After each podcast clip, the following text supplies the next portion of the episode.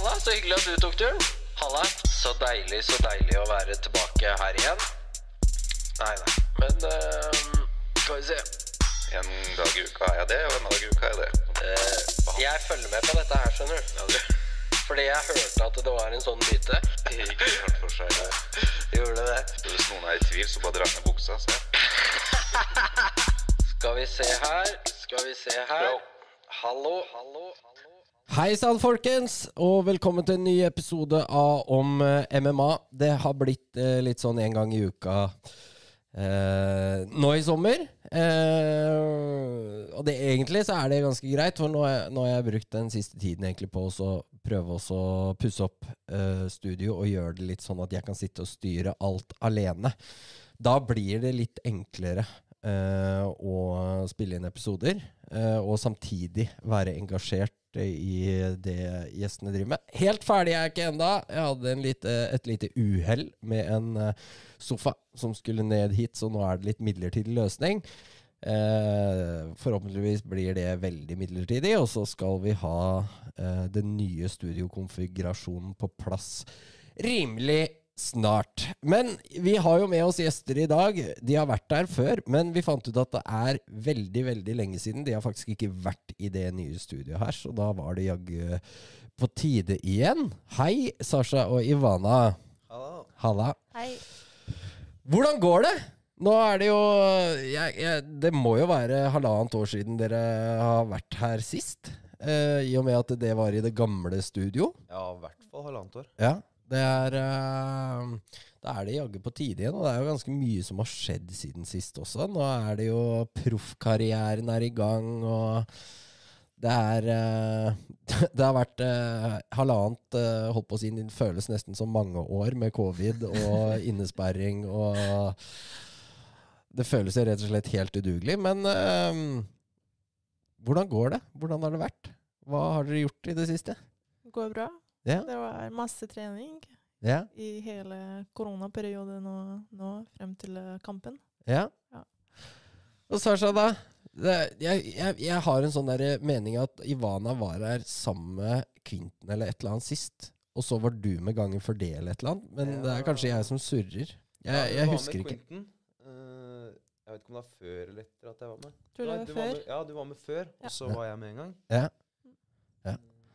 Ja, ja, ja. Ja. Nei, men uh, uansett bra. Nå har du jo nettopp uh, vært i øh, England og banka opp ei kjerring rimelig. Stakkars jenta.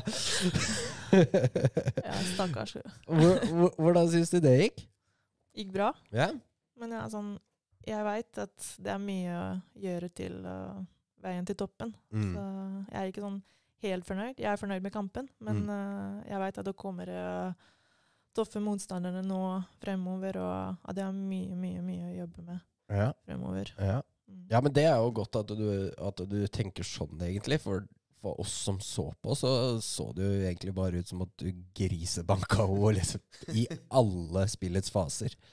Men hva er det du ikke var fornøyd med den, i den kampen, egentlig? Uh, til å være ærlig, jeg tenkte hun skulle være litt uh, mer klar til kampen. Ja. Uh, hun var jo klar, Mm. Men uh, jeg trodde hun skal jo gi meg en, eh, en bra kamp. Mm.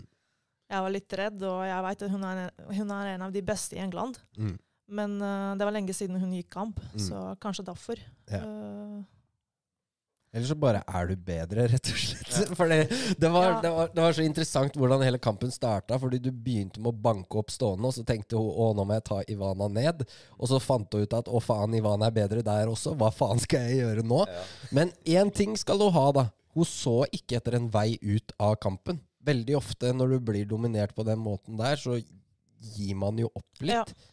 Og, Mm. og liksom søker seg litt ut av kampen.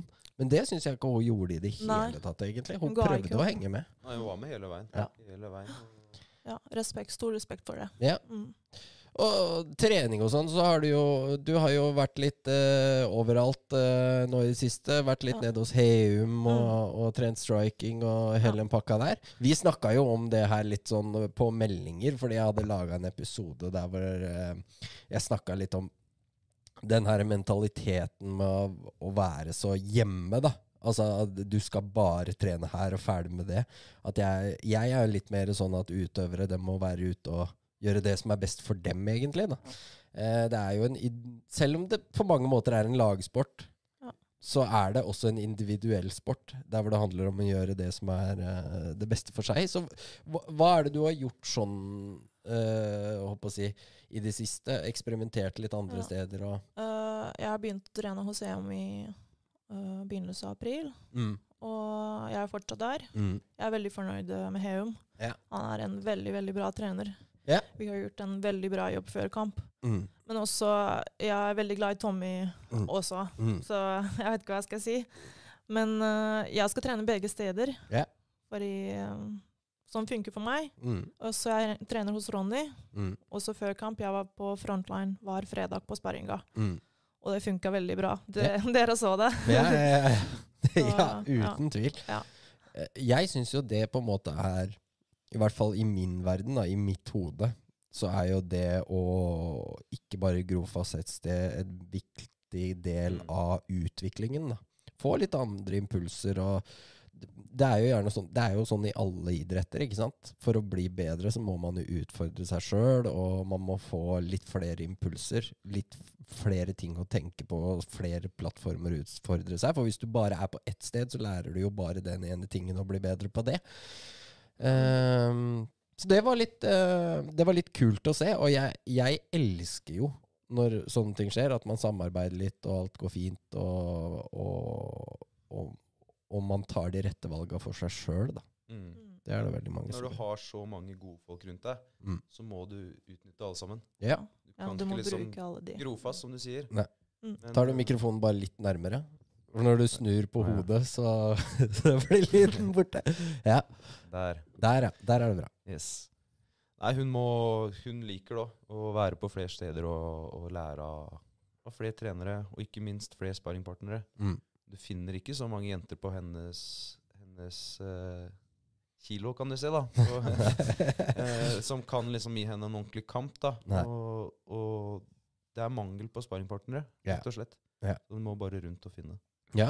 ja. Men det er jo altså, ja, det er jo ikke så veldig mange jenter som holder på på det nivået der i Norge i det hele tatt, egentlig. Så du må jo spare litt med gutta, tenker jeg. Men, eh, men det er jo greit at det, det ikke bare er tungvektere og, og Ja. oppover også, for det, det lærer du kanskje ikke like mye av.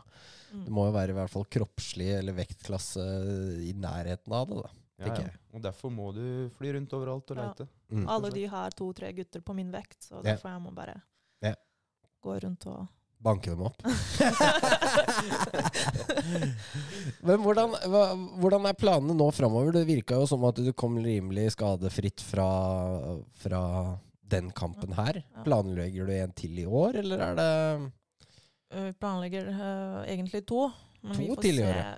hva som blir nå i oktober. mm. Vi, vi leter etter eh, motstander eh, for eh, Cage Warriors Academy. Ja. Så hvis vi finner noen, så da blir det en kamp der. Ja. Og så etter det er det Sverige i november. ja. FCR. FCR. Mm. FCR. Det er fett. Sverige har jo masse jenter. Ja, ja. Mm. Så der er det jo, der er det jo skikkelig høyt nivå på, Mm. på mange av jentene. Cornelia Halm og Malin Hermansson. Og Mm. De har jo masse Mm. bra, Ja, de har bra. kvinnelige fightere der borte. Mm. Så da har du liksom staka ut et par kamper til, da. Men uh, leiter etter motst til motstander i, i Cage Wars Academy. Ja, Men det blir jo fortsatt proffkamp der, da. De har jo ikke for vane å kjøre så mye proff, men uh, Nei, de hender, det hender de slenger inn en eller to proffkamper Ja. på amatørkortene Ja. sine. ja.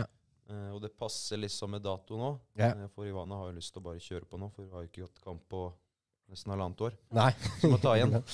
ja. Eh, så vi må bare kjøre på. Hun er skadefri og, og klar for kamp, så ja. Da er det vel bare å kjøre, da. Ja. Er det ikke det? Det er er gjerne litt sånn i MMA at man pleier jo å gå litt færre kamper i året. Men hvis du ser på Tie Fighter og alle disse her, så går jo de mange, mange flere kamper. Ja.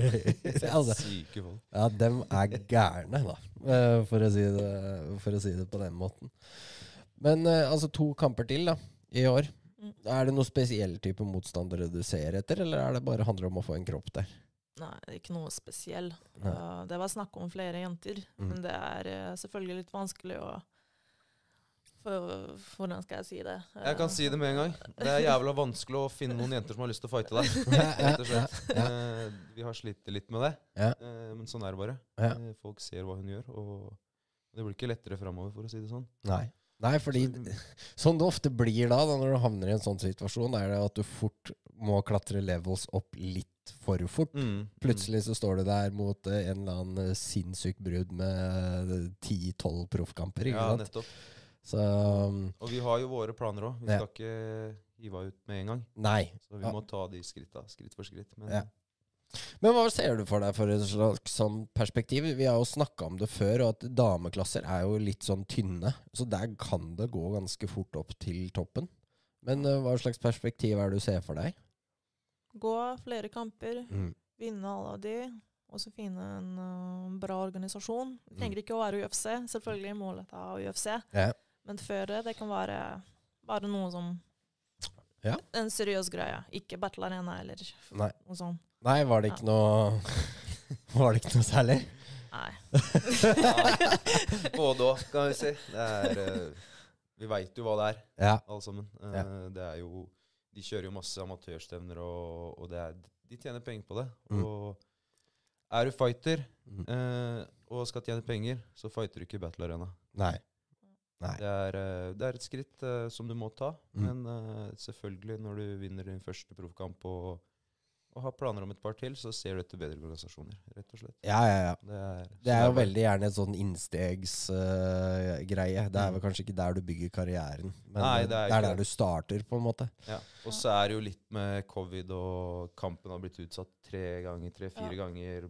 Vi hadde motstandere som har backa ut, og det har vært et helvete å få, få en kamp for henne. Ja. Med korona og med alt. Ja. Så nå var det, vi var litt desperate på å få kamp. Mhm. Bare ja, greit, få gi oss det første, det beste, og så så, så vi åssen det gikk. Ja. ja, altså Så- dette her er jo ei som for så vidt har eh, ganske grei bakgrunn, da. Ja, ja, det Så- var jævlig bra motstand. Det, Hun skulle være jævlig bra motstand Ja. på papir. Og hun har jo vunnet EM i amatør og vært med i VM. Og hun er liksom Ja. top notch i England, da. Ja. Så Men jeg, jeg har også sittet og tenkt mye på dette her og holdt på å si nå den siste tiden, da. Fordi vi har jo en sånn der automatisk tiltrekning til å reise til England. Men det er jo så sinnssykt mye problemer med å gå kamp der borte. Ikke bare det at du, du har fire-fem eh, potensielle motstandere før du havner i buret. Å, fy faen. Det betaler ingenting. Det er Og, helt jævlig. og det er ofte jævlig mye prat Ja. og lite gjennomføring. Ja. Det er det, det er det som plager meg så jævlig med England. Det, alt ser så bra ut på utsiden, ikke sant? Mm. Eh, men så er det, det er slett gjennomføring. For meg som har vært mye i England, da, så er ikke det noe overraskelse. Ja. Eh, fordi det er litt den der engelske mentaliteten. Mm. Eh, pra, prate og gå ut stort, og så, og så blir det kanskje ikke akkurat Ja, men det er det, Det man drømte om. Og det, det har vi sett. mm. Vi har jo vært jo, der borte og fighta flere ganger, så Ja. vi ser jo liksom hvordan ting funker. Mm. Og Eneste, altså Cage Wars Academy har jeg egentlig hørt fra de aller fleste at det er bra, liksom. ja, det er, er sånn Det er. Ut ifra forutsetningene, på en Mm. måte. Mm. Mm. Det har jeg jo hørt at det er bra. Mm. Men Enig. alt annet, sånn det UFL-greiene som Jon Vetle og dem var og gikk på, det, var, jo- det er det mest søplete opplegget. Der fikk han, han fikk jo ordentlig motstand, da, fordi de fant det sjøl, på en måte. Ja. Men, men eh, opplegget, da, det, U, når du kaller deg UFL, du liksom prøver å liksom hinte litt mot UFC, og så er det UFL, det veit jeg ikke helt. hva Nei, det er sånn. Ultimate Fight League heter det, og så er det Nei, jeg veit at Jon Vetle gikk der, men jeg har ikke helt fått med meg Slenger dem Ja. opp stream som ikke virker, og kjører streamlabs via mobilen og filmer, og det er Ja, helt eh, Ja, det er der. Det er der. Eh, Men når det gjelder det greiene der, så har jo Battle Arena steppa opp gamet litt. Grann. Ja. Forhold til et par år tilbake, når vi først starta der, så Mm. er det litt mer proffe på akkurat det kameragreiene og streams og Så der har det steppa. Men det er fortsatt De er jo De har jo akkurat starta med pro-events, og de er ikke helt der de skal være, da. Nei. Men uh, det er grei, grei sjanse for nye fightere å, å komme og prøve seg. Men det er jævla synd at vi må sende norske fightere dit som ikke får en dritt betalt, som må betale alt sjæl. Ja, men er, er, det? er det virkelig når du går en proffkamp, at du må betale ting sjæl? Å ja.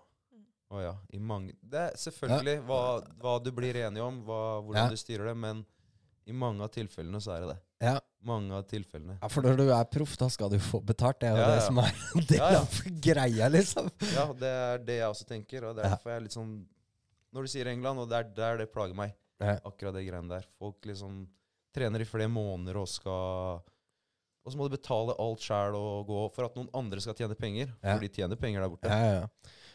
Det er lov til å si nei, veit dere. Ja, ja, ja. Og det, det tror jeg vi må bli flinkere på alle sammen. Ja, ja. Men så er vi i et lite hjørne når vi ikke kan slåss her hjemme, og, og det er jævla lite events ute pga. covid, og, Ja.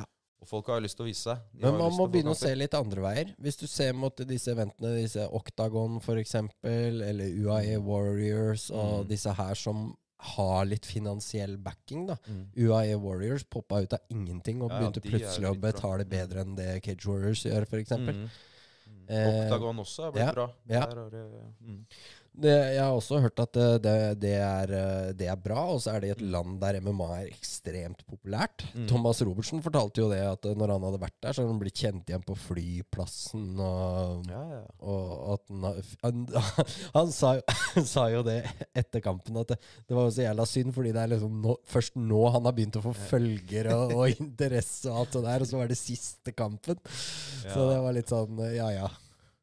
Ehm, men ser dere noe bortover dit, eller er det For jeg, jeg føler liksom alle i Norge de har blikket enten på England eller på Sverige. Og Mm. Sverige er for all del Det kan være greit, det. Men ehm, Vi ser overalt, Ja. egentlig. Vi hadde noen greier Vi hadde en ting på gang med Octagon før Mm. den kampen her. Men det var eh, Det ville vi ikke ta imot. Det, var, Mm. det passa oss ikke. Mm. Eh, short notice, eh, vektklassen var ikke riktig. Det ville ha henne på 61, og Så Ja. det passa ikke. Men vi hadde, vi hadde en ting på gang med Oktagon. Mm. Hadde vi. ja, 61, det er 135. Fem. Ja. Ja. ja, Så det var det du gikk i før, men nå skal du gå 125. Ja. Mm. Hvordan er vektkuttet? Det, for du hadde ikke kutta ned til det før? Nei, Nei. eller ærlig, siste kamp med Eller forrige kamp med Chanel Dyer, Mm. eh, det var sånn Det var lett. Mm. Og jeg har kuttet mye gjennom diett og mat, Mm. så jeg, det var ikke behov å kutte vann. Nei. Men nå jeg har kuttet vann, og det var litt vanskelig. Det er første gang at jeg følte meg sånn. Men jeg er veldig sterk sånn mental, og jeg mediterer mye og sånn. Mm. Tror det er det som hjelper. Så det var ikke så vanskelig. Men jeg skjønte det er det er jævlig, jævlig vanskelig. Ja. Hvis du skjønner hva jeg mener? jeg, jeg, jeg skjønner hva du mener. Det er jo det er jo bedre også å komme seg ned med spising og, og, og, og på å si trening, for det å kutte vann er jo en enorm belastning på kroppen. Mm. Så, men for noen så er det også en trigger, har jeg hørt. Det, altså, de har fortalt det at du, når du sitter i badekaret der, det er da du kjenner at nå begynner det å nærme seg kamp. Mm. Så, Ja. Ja, det også. Det var det Ja, det var det vanskeligste kuttet du har hatt. Det er Nå? det. Det er litt vanskelig for oss, for oss damer på Mm. eh, mensenperiode og Ja. sånn. Det kan være veldig vanskelig. Mm. Fordi det var planlagt at jeg skal ha sånn og sånn mye kilo før kamp. ja. Og jeg er ikke på den jeg tenkte at jeg skal være før kamp, så Nei. jeg må bare kutte, kutte litt ekstra mer. Ja. Så det er litt sånn Ja, sånn er det. Og, um, men det, det er jo som du sier, ja, det blir jo veldig ofte litt sånn short, short notice-tilbud og sånn. Ja. Men nå i begynnelsen så tenker jeg at det er på en måte det, det burde jo liksom ikke være noe som heter short notice, på en måte. Da. Du burde være klar hele tiden. Ja. Det er det, er det, det, er det veldig mange håper å si Hvis du ser på den, den eldre skolen av MMA, ikke sant? så har det vært sånn at vi skal ha ni uker camp, og så skal vi ha den der. Og så ser du den nye skolen som begynner å komme nå. De er klar hele tiden. Mm. Og, Folk trener hele tida. Ja, ja, ja. Og det er veldig ofte det er ganske gode muligheter i det. Jeg får jo tilbud, eh, holdt på å si, ikke tilbud, men folk driver oss av en eller annen grunn og sender meg liksom Har dere noen fighter i Norge? ikke sant? I den vektklassen og alt sånt der. Jeg formidler stort sett bare det videre, jeg. Det er litt sånn kinkig posisjon å sitte i, da, fordi det eh, Jeg har jo også fått tilbud om å liksom å, å bli en agent i Norge, da Ja. og, og, og drive med management og alt det der. Men jeg, jeg har ikke noe lyst til det, fordi jeg har ikke lyst til å blande roller. Fordi det er det her jeg har lyst til å sitte med, ikke sant? Mm. Eh, og Jeg har ikke lyst til at noen skal tenke at jeg har uh, motiver som er annerledes. Mm. Så det, det er, det, av en eller annen grunn så er det veldig mange som reagerer litt rart hvis jeg bare Du, jeg fikk spørsmål om uh, sånn og sånn, og så sendte jeg det til deg, og så er det litt sånn Ja, men du har jo kontakter, da. Ja, det er derfor folk vil kontakte deg. ja, det, ja. Du Men- kjenner trenere, du kjenner fightere. Ja. Og hvis du formidler det videre, så er det plutselig sånn som vi går. ja. ja, for jeg har ikke noe økonomisk motiv i dette her. Nei, nei. Og, og, og, og tilbud som jeg får, det er jo egentlig bare noe jeg sender videre. Én tanke har slått meg at liksom, for å begynne med dette her, så er det liksom for å styre norske fightere unna slanger. Mm. Det er flere jeg veit om som er eh, signert med folk som som har eh, skre Du har skrevet under på en uh, livstidskontrakt i, i slaveform. da. Ja. Kenneth sleit jo masse på det når han eh, signerte bort til England. Han, det er jo derfor han ikke gikk over en lang periode. var jo kontraktsproblemer med tidligere management. Men uh, det, er- det er stadig flere, da. Uh, etter hvert som sporten blir mer populær, så dukker det flere slangehoder opp. Ja, ja. Det er, det er det er overalt. Ja, det er Det har liksom vært den eneste grunnen jeg har tenkt på å starte noe sånt. Det hadde jo vært å styre norske fightere unna slanger, da. Mm. For jeg har jo jobba i management før, så det er jo ikke sånn at jeg ikke veit hva det går i. Men, uh, men jeg har ikke lyst til å blande roller, for det er podcasting jeg har lyst til å drive med.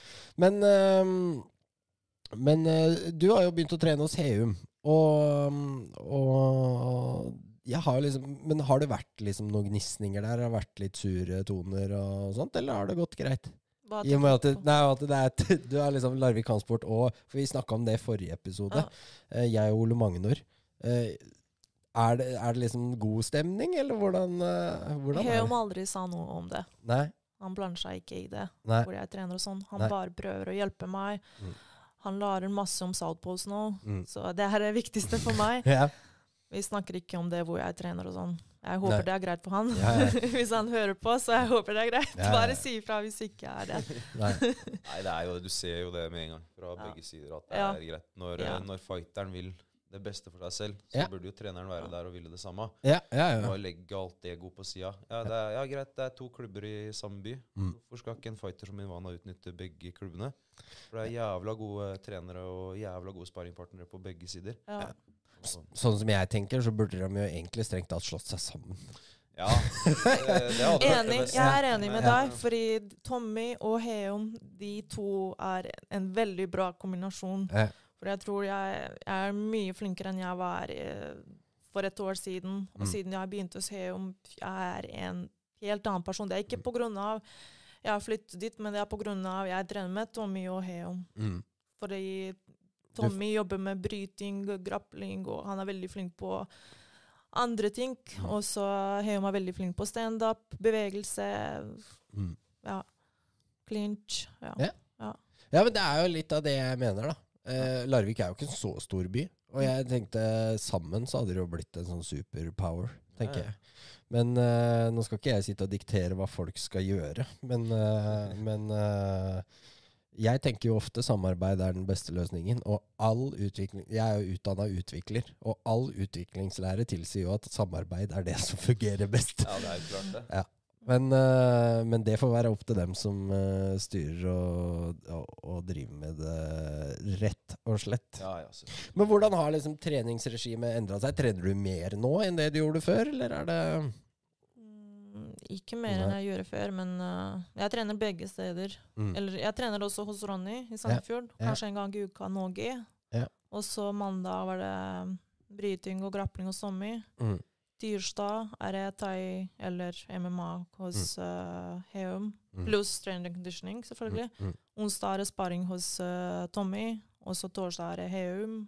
Fredag Mm. er det sparring på frontline, frontline Muay Thai, eller en annen sted. Jeg Mm. vet ikke. Lørdag åpen mat. Og så søndag kanskje sånn aktiv recovery eller rest day. Ja. Ja. Så det er hver dag. Ja. Nesten hver dag, ja. Ja. Det, det høres jo digg ut, da. Men har du liksom fått Var det noen forskjell på dette her med å gå proffkamp og eh, Håper å si amatørkamp? Mm, ikke så stor forskjell. Det er, sånn, det er selvfølgelig fem minutter. Du må Du må være sånn veldig klar uh, mentalt. At du skal gå 15 minutter Mm. uh, kamp, og du skal være sånn uh, klar Mm. til det. Men eh, ja, jeg vet ikke hva jeg skal si. Det er ikke så stor forskjell. Nei. Det er samme for meg. Det Mm. er ikke noe Jeg vet du hadde gleda deg veldig til å kaste albuer. Ja, egentlig, for jeg har kjørt uh, albuer bare på dokker. Ja. Aldri på et menneske. Nei. Så det var, det var litt gøy. Det er så deilig å høre. Ja. Men åssen føltes det å endelig få slå albuer på et menneske? Uh, bra. det er ikke bra å si, men ja. Jo da. Jeg, jeg husker når du var her sist, så gleda du deg så mye til det. Men det er merkelig, da, at liksom tida har flydd så jævlig. Ja. Jeg, jeg har hatt flere stykker her som jeg følte var ikke du her forrige uke, liksom. Ehm, jeg hadde jo egentlig avtalt med Afrim nå, og da fant vi ut at det var to år siden han hadde vært der sist. Føltes det ut som et halvt et, ikke sant? Men det siste året, da, bare, eller det siste halvannet året, det er bare oh, Det er liksom gått bort. Jeg skjønner ikke helt hvordan det har skjedd. Blir gamle, vet du. Ja. Eh. ja. Eh, men hvordan har liksom din rolle utvikla seg, Sasha, siden uh, sist? Nå, nå var dere jo oppe å si i England, og verken Heum eller Quinton eller noen har vært med i, i hjørnet. Hvordan uh... Nei, jeg har jo den samme rollen jeg alltid har hatt, da. mm, Bare en sånn støtteperson. Og jeg, jo, jeg følger jo Ivana Mm. hvert sekund av dagen, nesten. mm, Bor jo sammen, trener sammen, alt mulig greier. Ja. Og Nei, jeg bare, er, jeg bare er der for alt, Ja. rett og slett. Ja. Eh, Planlegge, planlegge turene og Nei, alt, egentlig. Som, Ja. som, sånn at hun, det eneste hun skal gjøre, er å fighte. Ja. Resten fikser jeg. Ja. Fighte og trener, det er liksom Han er en som, som en ekstra manager ved Ja. siden av David. Ja. Ja, vi har veldig godt samarbeid med David, så Ja. jeg snakker med han hele tida. Før, før vi går til Ivana, så blir jeg og han enige om ting. ja, ja, Så vi er, vi er litt der, da. Ja, for det er kanskje ikke noe vits i å kludre til hodet til fighteren med masse ting Nei, før det er eh, nei. Hun veit hva, hva jobben hennes er, Mm. da så bare fikse resten. Men David er flink, han. Ja. Når jeg snakker om slanger, så snakker jeg ikke om David. Shout-out til David! uh, det er uh, Men det er litt sånn David har også litt den, den gode filosofien, da. Det er at det er litt sånn Det er fighteren som står i som står i fokus. Det er det det handler om. Det handler om å hjelpe dem, og ikke nødvendigvis å bli millionær på dems vegne. Ja, ja. Det er det mange Jeg, jeg pleier også å si at det er tre typer managere. Det er den legitte, så er det slangene, og så er det dem som leker manager. De er nesten verre enn slangene. Eh, ja, fordi de- dem, dem, det, det finnes Og jeg har jobba for en sånn. Liksom Rike mennesker med masse penger som har lyst til å leke Ari Gold fordi de så på Entourage når de var yngre. Eh, det er, og, og, og det er jo eh, Holdt på å si Hva skal jeg si? Um, det er en fair sak, da. Men det, det er så jævla dårlig Altså Det er klart at det gir deg mer mulighetene enn med slangene. Men um, Ja, men da er fighteren litt sånn prøvekanin, vet du. Ja. Og det kan være farlig. Og jeg skulle ønske at det var sånn at eh, managere på en måte ikke var nødvendig. For, Ja. Fordi hadde det liksom vært eh, Hadde det liksom vært en clean nok bransje til at man liksom kan stole på hverandre, så hadde det jo på en måte ikke vært så nødvendig. Her er kontrakten din, signer den, ferdig. Ha sånn. ja, det er absolutt Men, ikke sånn i det gamet her. Nei. Er ikke mange du kan stole på. Nei, jeg har lagt merke til det, For, å si det sånn. Alle vil tjene penger, og, men det er så lite penger å tjene på det nivået her. Ja. Det er bare grabbe til seg. Ja. Heldigvis så kommer det jo sånne ting som UAE Warriors og, og, og de Octagon og Mm. det, det popper jo stadig opp flere som faktisk betaler fighterne ordentlig. Mm. Eller sett i kontrast til Cage Warriors og Bellator, for eksempel. Da. Bellator har liksom et sånt der rykte på seg at de betaler så fryktelig bra. Men det gjelder jo UFC-veteraner og store navn. Det gjelder jo ikke dem som fighter på undercardet og alt Nei, sånt der. Der har jeg hørt om sånn der 500 pund, liksom. At de får 5000 kroner for å gå på et undercard i- Bellator. Bellator. Ja. Da og One er ikke så mye bedre. Uh, trodde One betalte jævla bra. ja, det, Men det er men det er samme, samme casen der, ikke sant? Eddie Alvarez kommer som UFC-champ over til One. Selvfølgelig. Hvorfor skal jeg bytte? Skal jeg bytte for å få mindre penger? Nei. Da skriver jeg en ny kontrakt med UFC. Uh, men hvis dere betaler meg mer, så kommer jeg. Ja. Og det er jo sånn det funker. Du må ha noe å komme med. Uh, men, eh, men nå har liksom flere organisasjoner begynt å gjøre det bedre, da. Eh, som ikke er så kjente enn deg, men som de betaler i hvert fall. Og jeg, jeg har hørt om så mange krisetilfeller, og jeg er jo av den forståelsen at man setter sin egen markedspris. Hvis man går for mye sånne gratiskamper, og- eller billigkamper, da, Mm. da setter man en lav markedspris på seg sjøl. Mm. For, for hvis du kan si det at eh, ah, ja, ja, men jeg fikk betalt 10 000 forrige kamp, da skal jeg ikke ha 5000 nå. Nei. Det skjønner jo du også. Mm. Det, du må liksom ha noe å forhandle med. Um, selvfølgelig også dette her med å bygge sosiale medier og alt det der maset. Ja. Ehm, har dere noe fokus på det, eller er det stort sett uh, Vi har ikke hatt så altfor mye fokus på det. Eh, fokuset har ligget egentlig bare å få Ivanas første proffkamp og Mm. vinne den. mm, Eh, åpne litt flere dører. Ja. Uh, vi har ikke giddet å liksom hoppe ut i det. Ja, her er Ivana, hun skal bli verdens beste, og se på meg hver dag på, på Instagram. Nei? Nei, vi har bare drit i det og trena. Hun Ja. står opp klokka fem hver morgen, tar en kald dusj, trener. Og så er det samme greia hver dag. Ja. Det er der fokuset ligger. Mm. mot kampen. Mot Mm. å vinne det. Og så kan vi begynne å Bygge opp Instagram. Ja, for det er jo på en måte nå det begynner, da. ja. Det er jo det. Det er mange som sier det. Eh, det er eh, For nå, nå Amatør er jo én ting. Der får du ikke betalt uansett. Ja. Eh, der er du heldig hvis noen dekker reisa di, liksom. Mm. Men, eh, men det er jo nå nå bedriften har starta. Det er jo nå Det, er jo nå det, det begynner å bli viktig, dette her med sosiale medier og Ja. Alt dette her. Så det vil jeg jo anbefale at dere tar en liten titt på. Mm. Nei, det er, eh, det er planen. um, men det, det er også veldig interessant. Jeg prata med en kompis om dette her sånn um, Hvis man ser på dette her med sponsorer, ikke sant? det har vært sånn veldig viktig greie for mange fightere. Få på plass en sponsor og alt dette her pisset Mm. der. Men nå føler jeg det at vi er på vei inn i en en litt nyere tid når det kommer til det, med alle mulighetene som finnes. Altså teknologiske muligheter. Da, Twitch og alle disse tinga her. Mm. Nå handler det jo om også å tjene penger på følgerne sine, ikke på sponsorer. Og så satt jeg og tenkte stille for meg sjøl at det er jo egentlig en jævlig bra strategi. For hvis du begynner å tjene penger på følgerne dine, da tar du ikke de der gratissponsorene og sånn der ja. lenger. For da sier du "Du, 'jeg tjener allerede penger', jeg. Så hvis dere skal være med, så Det er en egen butikk. Veldig kult, egentlig. Men uh, der er det jo masse, masse man, kan, uh, man kan ta for seg. Enkelt og greit. Men uh, nå framover, da. Hvor, hvor, hvor tidlig var det du sa du ville gå kamp? Var det oktober? du? Oktober. Ja. Og så november. Mm. Ja. Slutten av november, ja. Shit. Det er et tight program, da. Ja. Men jeg er jo klar. Jeg er ikke noen skader. Nei. Jeg er allerede i trening, så ja. Hvorfor skal jeg vente? Det gjelder jo kanskje å smi mens jernet er varmt. Ja. Er det ikke det det heter? Jo. Nei, men øh, det er litt sånn undervurdert, det der, tror jeg. Det er veldig mange som ønsker å ta seg en liksom pause når du er ferdig med en kamp. Og nå har vi hatt lang kamp og kamp, og nå skal jeg gjøre alt mulig annet. ja, men for faen, hun skal jo opp. Ja. Jo I proff så funker liksom ikke det helt, tenker jeg. jeg. Altså Amatør er, ikke sant, det er én ting. Men nå er det liksom virkelig, nå er det jobb. Mm. Det er jo det.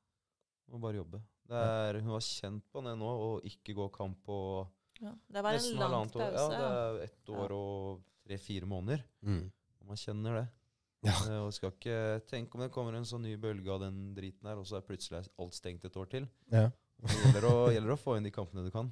Ja. Men hvordan var det for dere? Det har jeg jo ikke pratet en dritt om. Eh, altså, det stenger ned. Covid eh, bare fucker opp uh, alt og alle. Men jeg har jo sett at dere har hatt litt sånn garasjegym og Ja. litt sånn opplegg. eh, Jeg håper å si, har dere lagt matter over hele huset? Ja, ja, nei, vi tok uh, garasjen til broderen. Ja. Uh, fikk masse greier av fighter. Eh, Ja. Matter og sekker og alt mulig.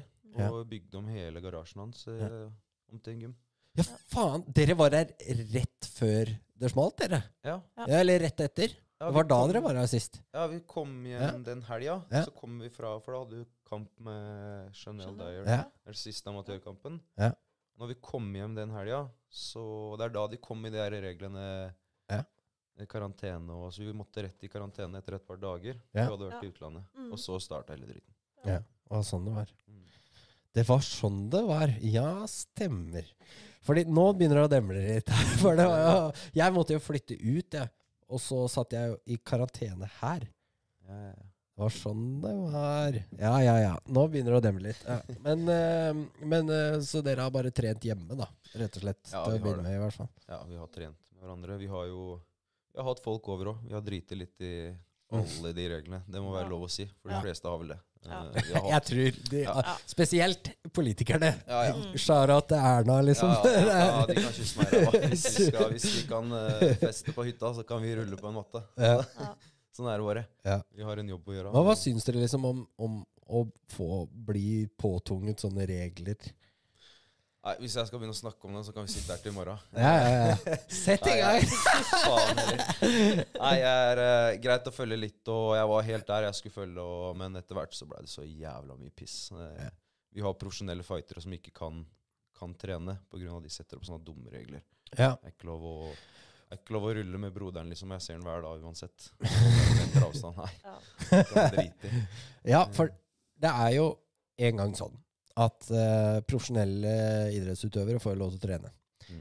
Men i eh, MMA så er man jo ikke anerkjent som idrettsutøver. Ja. Og, um, og da er jo egentlig det litt piss. Ja. At man ikke kan trene bare fordi Norge ikke anerkjenner deg som, Mm. uh, som utøver. Nei, det er helt jævlig. Ja. Det, er, det er så idiotisk. Du ødelegger, du ødelegger karrieren til folk. Ja. Hvis, du må jo trene. Halvannet år uten trening. Er du dum, eller? og så ikke bare det. Det er jo liksom greit å liksom ha opprettholde fysisk form. Ja, du må jo det. Og ikke minst psykisk. Ja. Ja. Ja, ja, ja. Det det Mm. Ja. Vi blir syke uten trening. Ja. Deprimert og Ja. Det er ikke bra. Ja, folk som oss, vi må ha trening for å, for å kunne funke, rett og slett. Så, og ikke ta det fra oss. Nei, jeg, jeg, jeg, jeg tror det er mange som har slitt med akkurat det der greiene der. Og så ser du jo liksom at dårlig helse er jo en av de største dødsårsakene til den dritten der òg. det er sånn Jeg fikk en sånn der Jeg, jeg, har hatt sånne infeksjoner. Fordi når jeg brukte maske, av en eller annen grunn så begynte jeg å få infeksjoner i ansiktet. Sånne ordentlig skikkelig byllehelveter. Nå, nå har jeg jo Jeg har hatt det ganske radig. Jeg jobba, jobba liksom i én uke med maske. Da kom den første. Og så skjønte jeg ikke hva det var, og så var jeg sykemeldt, og så ble det bra, og så gikk det fint en stund, og så fikk jeg en ny en. Og jeg er helt overbevist om at det er den maska eh, som har gjort at eh, det har skjedd. Og nå har jeg hatt sommerferie mange mange, mange uker, og ikke antydning til. Og nå har vi slutta med maske på jobben nå. Endelig. Å, fy faen. Måtte gå og puste hvert kvarter, vet du. Faen. eh, Det var helt eh, helt latterlig.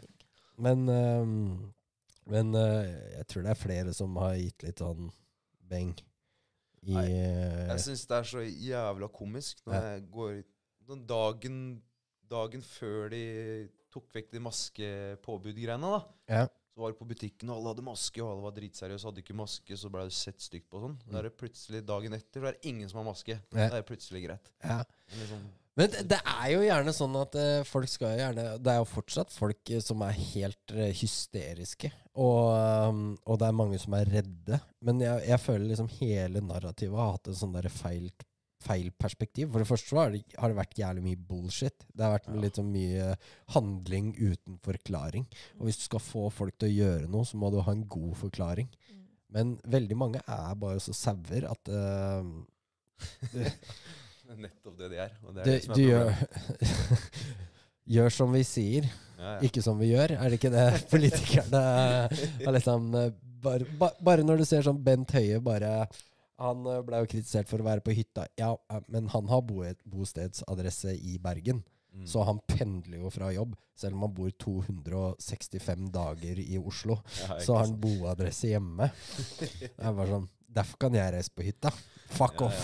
Ikke sant? Det, er, det, det bare gir ikke noe mening. Men ehm, som er antall døde alt, Alt dette her liksom, Det har blitt blåst så fryktelig opp. Når blei det egentlig så veldig unormalt at gamle mennesker døde av sykdom? Det, det, det har skjedd alle år i menneskets eksistens. Men i, i de siste par åra har det vært utrolig mye oppmerksomhet på det.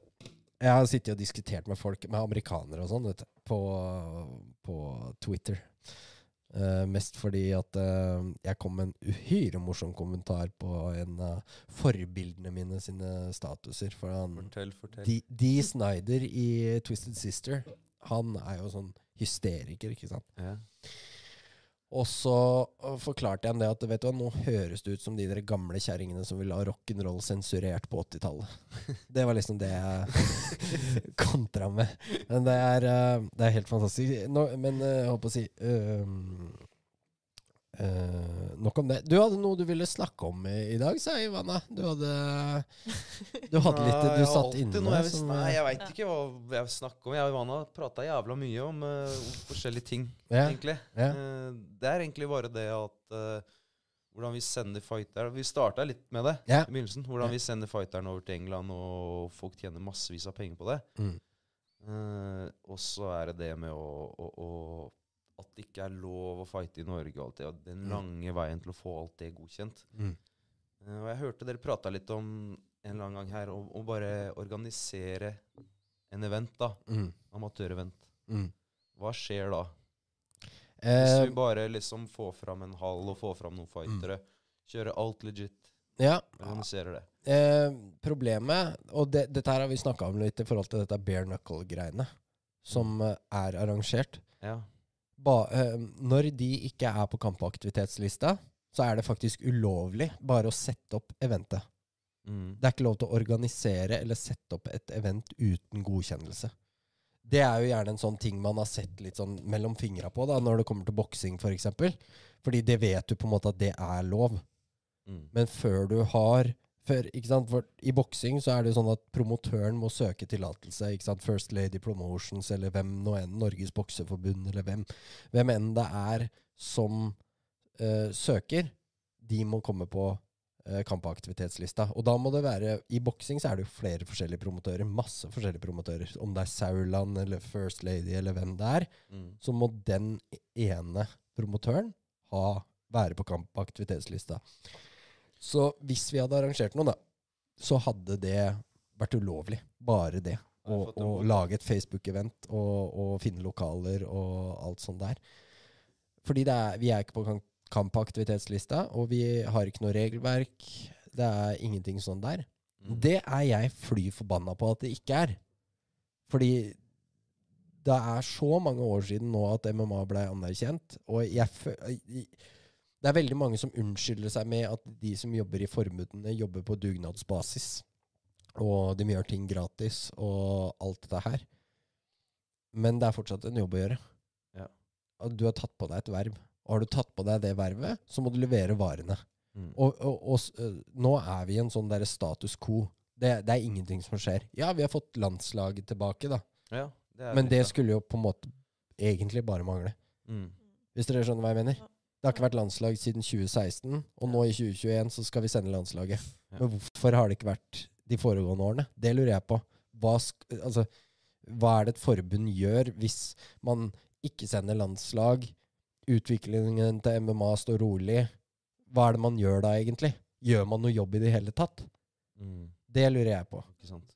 Eh, jeg har prøvd, prøvd å komme i samtale med de, disse menneskene, her, men det er visst ingen som har lyst til å dukke opp her. Men det er ingen som Eh. gidder å gjøre noe, virker det som. For det, det, er, virker som det er en vei man må gå, men det er ingen som gidder å gå den veien. Eh, det, virker, det virker som at eh, For meg, da, så virker det som at mange har eh, bestemt seg for at det er en måte å gjøre det på. Og da må man Mm. gjøre det på den måten. Ja, men det er det jeg tenker litt på. Er det en annen måte å gjøre det på? Ja. Er det en annen måte vi kan få så sinnssykt mange gode fightere vi har her i Norge, Ja. til å fighte i Norge? Man kan si det sånn på den måten her, da. For å forsvare forbundet og alt sånn her litt, så er det ingen som enda har søkt om å få ha MMA-stevne her. Det er ingen som har søkt om det. Så på mange måter så kan man jo si at eh, OK, begynn å søke, da, så ser vi hva som skjer. Mm. Det kunne vært en idé å gjøre det. Bare sånn for å se hva som skjer. Bare for å få det der avslaget. Ikke sant? Mm. For ingen har søkt om å holde proffstevne i MMA i Norge før. Hvor søker man, da? Eh, du søker Jeg kan Dette her veit jeg. Det er på um, Skal vi se Kampaktivitetsliste. Men Er det mulig? Er det ingen som har søkt på det?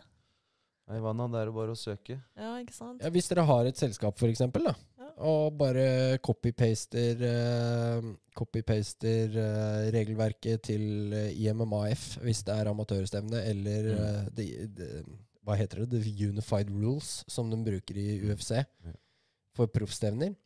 Og Skal vi se Eh, Det er regjeringen.no, og så er det kampaktivitetslisten. Der kan du søke. Uh, Vet du hva? Vi bringer MMA til uh, Norge. Gre- Greit. ja, men altså, det, det, det, treng, det trenger ikke å være større enn et stevne i gymsal, liksom. Ja, ja, Bare kline opp et bur, og, som, sånn som vi har gjort med merkekampstemner. Men tingen er at man må søke på forhånd. Eh, Hvis det er proff-event, så er det gjerne det det gjøres gjennom. Hvis det er amatørevent, så burde det jo egentlig være et forbund som søker. Mm. Eh, sånn at hvis forbundet hadde søkt da med IMMAF-regelverk f.eks., Ja. så kunne jo det fått godkjennelse. For det er jo på en måte ingen grunn til å nekte det. Nei. Det virker liksom som at uh, folk veit ikke hva de skal gjøre. Uh, det, akkurat det, det greiene du forklarer, det er første gang jeg hører, og kanskje jeg burde fått med meg tidligere, men alle bare står og venter. Ja. Det skjer ikke en dritt. Nei. Skal vi la den nye generasjonen også fly over til England og, og la andre tjene penger på dem? Ja, det er, det er jævla irriterende. Og spesielt i år. I år er det ekstra irriterende fordi det er valgår.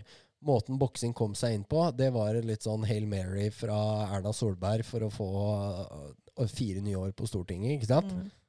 Ehm, jeg kan faktisk uh, sende deg uh, håper å si dokumentet. Du må søke til Det kongelige, dep- det, det kongelige kulturdepartementet. Må søke uh, til kongen. Ja. Hadde det bare vært kongen som hadde bestemt, så hadde det vært veldig mye enklere, tror jeg. Ehm, Men er det noen politiske partier som har tatt opp det nå? eh, opp ikke som har det på partiprogrammet. Men eh, Venstre og han, han som jeg hadde her, Grunde Almeland, har jo snakka veldig pro MMA. Og så har du Tage Petterson i Høyre. Han er jo leder i Ishockeyforbundet, tror jeg. Okay. Eh, så han ser antakeligvis ingen problem med MMA, i og med at ishockey har mye mer hjerneskader enn Ja, ja. MMA er. Eh, men, eh, men ja, det går an å søke. Altså um, Det ligger søknadsskjema på regjeringen.no, liksom. Søke, få avslag, og så se hva vi gjør videre. Ja, men Men ja. det er ingen som har gjort det før. ja. Eh, akkurat når det kommer til amatør, så tenker jeg at det, jeg, jeg skjønner ikke helt hvorfor ikke forbundet for eksempel, da, søker om å arrangere eh, amatørstevne. Mm. Antageligvis fordi de mener at det er for få klubber som er meldt inn, og at uh, man ikke bryr seg noe om det. Men allikevel så Jeg, jeg, jeg syns det er så defensiv holdning. Nå vil jeg heller ha et steg tilbake, og Ole Magnor var helt uenig med meg. Jeg vil heller ha et steg tilbake enn at det fortsetter å ikke skje noe. Et steg tilbake, to fram. Ikke sant? Et steg eh, tilbake, hva mener du da? Nei, at, de, at eh, de kaster ut MMA, NIF eller et eller annet sånt der eh, som kan være en konsekvens av at man ikke går på linje, ikke sant? mm. Det kan kjøre egen ting, da. Men det kan, også, det kan også skje hvis man ikke melder inn klubbene. Er, var, sist jeg fikk det oppdatert, så var det elleve klubber siden april 2019. Det er ingenting. Som er meldt inn. Ja. Av 72 klubber. Er det ikke bare å melde seg inn, da? Jo, det Skulle jo tro det. Ja. Jeg har sittet med søknadspapirene, så det er, det er klart at eh, det er litt mer. Du må ha 13 personer som er villige til å committe til å være med og starte klubben. Mm. Men det burde jo være rimelig enkel skuring hvis du har en klubb fra før av, Ja. tenker jeg. Eh, og, og få inn 13 personnummer og bare banke det inn, liksom. Men eh, så lett skal det ikke være. Jeg er også forbanna på det greiene der. Det hadde vært så mye enklere om vi kunne arrangert amatør- og proffstevner her i Norge. Da, for Ivana sin del, eksempel, da kan hun gå oktober-november uten problem. Ja, ja, ja. Og mm, herregud, jeg kunne produsert et stevne bare med det jeg har her. Ja, ikke sant? jeg Når kunne du ser fått åssen stevner de holder der borte, så, så kunne du det. Så er det her top notch. Ja, det, det er ikke kødd engang. Det webkameraet her er jo bedre enn de bruker på det greiene der. Ja. Eh, Og vi har nok av fightere. ja, Det det, det, er liksom ikke noe å tenke på. Ja. Men, uh, men det er faktisk ingen som har søkt om tillatelse. Så Det er litt rart. Ja, altså foreløpig dem som er godkjent på kampaktivitetslisten, det er Wushu Sanshu, det er fullkontakt karate, fullkontakt taekwondo, kickboksing, eh, fullkontakt, K1 og boksing. Og så har du dette med eh, tidsbegrensa godkjenninger. da, Det er jo boksepromotørene. Proffboksepromotørene. Eh, Bergen AS, eh, Namsos næringsforening, ikke sant. Sauerland, Norway Fight Night, Probox Så alle de som har liksom Melhus Promotions, alle disse her som har midlertidig eh, tillatelse, det er jo disse, disse enkeltpromotørene, da, kan du si. Mm. Men eh, boksing er på kampaktivitetslista. Så det skal jo bare være å søke å få det gjennom. Du har noen regler du må forholde deg til i forhold til alder på fightere og records og okay. alt sånt der, men når det kommer til amatør-MMA, så er det um, vel svært lite, egentlig, som ifølge knockout-loven skal stå i veien. Eneste de kan snakke om, er f.eks. en utstyrsliste. da. At de mener at kamphanskene er for lette. Ja. For der går det på ounces, ikke sant? Men MMA-hansker har jo ikke fingre og, og håndflate. De har jo bare padding oppå. Selv om det kanskje er i mange tilfeller mer padding enn det er på boksehansker. Mm. Jeg har kjent på noen boksehansker der du kjenner knoken gjennom på toppen, liksom. Godt slått inn. ja, men det, de har jo gjort det at de har liksom fjerna paddingene på knoken, og så har de plassert det under her isteden. Ja. Og hansken veier jo like Ja, for da har du vekta på den. Ja. Det var ikke paddinga. Nei. Um, så ja. Det um... Nei, et eller annet må, må det skje snart. Det, Ja. Jeg ser jo på Ivana hvor mye ja, Hvor vanskeligere det blir for oss. Ja. Og, og det er sikkert sånn for alle andre fightere her i Norge som vil framover. Ja. Hvor jævlig vanskelig det er å komme seg opp der. Ja. Og ikke få noe støtte av Olympiatoppen og Ja, ja. Det er, det er, jeg kan ikke skjønne det. Ingenting. Nei. Alt vi gjør, vi gjør alene. Mm. Uten noe hjelp. Og det er liksom det, det gjør alt så mye vanskeligere. Ikke bare blir man Man blir jo veldig ofte satt opp for å tape. Mm. Det er jo ikke noe hemmelighet det at norske fightere blir henta til stevner hvor de er satt opp for å tape. Sånn som når de skal ha inn dere på kort varsel i en vekkerklasse og opp Mm. uh, og alt sånt der. Du blir ikke henta inn for å vinne, da. Nei, nei, nei. Eh, veldig ofte faller de planene i grus, da. Men uh, jeg husker spesielt den uh, kampen til Ole Magnor, så møtte jo han en, en eh, danske som ble hausa haussa veldig opp. Da var det nye Great White Hope i Danmark. Og Ole Magne ble jo henta inn for å tape den kampen. Men så pissa han jo på han. Så det er jo veldig ofte Men man kan jo også si på en annen måte da, at det bygger jo veldig gode fightere. Det er veldig mange som undervurderer fightere som Ole Magnor, ikke sant? fordi han har noen tap på rekorden. Men så ser du på tapet hans da, at det er uh, Se hvem det er mot. Kamsat. Shimaev, Mm, Rostem. Akman, Ja. han derre Gustafsson, som ikke er rein. Men eh, Eh, svær jævel. Han husker jeg tilbake til når, du, når Ivana fighta i Danmark. Ja. Så gikk han da, tror jeg han gikk siste amatørkampen sin, faktisk. Ja. Svær jævel. Og så sto jeg og Quentin og kikka på han, og så prøvde vi å gjette hvilken, hvilken vektklasse han var i. ja. Det var umulig å gjette. Altfor svært. Ja. Så um, Nei da, det Det virker som at eh, ballen ligger litt død for øyeblikket. Mm. Og det provoserer meg noe veldig. Og vi har også, både jeg og David har jo spurt om ja, trenger dere hjelp nå. Trenger dere hjelp, så kan vi hjelpe. Vi sa det rette Einmo, faktisk, eh, når det ble en sånn diskusjon rundt dette her med landslag og alt sånt her. Ehm, så er, Da kommer det med det der forsvaret om at eh, vi jobber på dugnad, vi jobber gratis. ikke sant? Det er, eh, Og når de får kritikk, så er de dårlig eh, motivert og alt det. Ja, Men da, da er det ikke sant. Det Da blir jeg sånn Kall inn til årsmøte og flytt dere, da. Det er det jeg tenker. Kall inn til et årsmøte, så kan alle som vil, stille til valg. Og, og hvis det er noen som vil da, så, som ikke bare har det i kjeften, kan du si, så får dere kjøre på. Eh, det har jo aldri vært eh, årsmøte og valg i Norges MMA-forbund. Det har vært de samme folka mer eller mindre siden starten. Ja.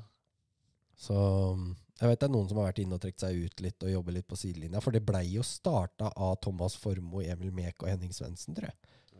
Um, Norges MMA-forbund. Men så er det, det er ikke sikkert Det er sikkert mange som har det i kjeften, men det er sikkert mange som gidder å ta på seg den jobben heller. Nei. Nei, det er jo akkurat det, da. Mange har lyst til å se MMA i Norge, og, men det er ikke alle som har lyst til å ta på seg den jobben. Nei, du ser jo det For det er en jobb å gjøre. Ja, du ser jo det med innmeldingene, ikke sant. Mm. 11 av 72 Først og fremst. klubber har meldt seg inn. Jeg vet Heum var jævlig på ballen der. Han var vel på telefon eh, 20. april eh, 2019, eh, når det ble klart at man kunne melde seg inn. Eh, De trenger flere sånne som er, som er engasjert. Men når man sier at man kan hjelpe til, og så hører du aldri noe, da, liksom, da forteller det mer enn uh, man trenger å vite, kanskje. Apropos Heum, Mm. hva syns du om uh, kommenteringa til Heum og Kai? Uh, jeg syns de er flinke. jeg.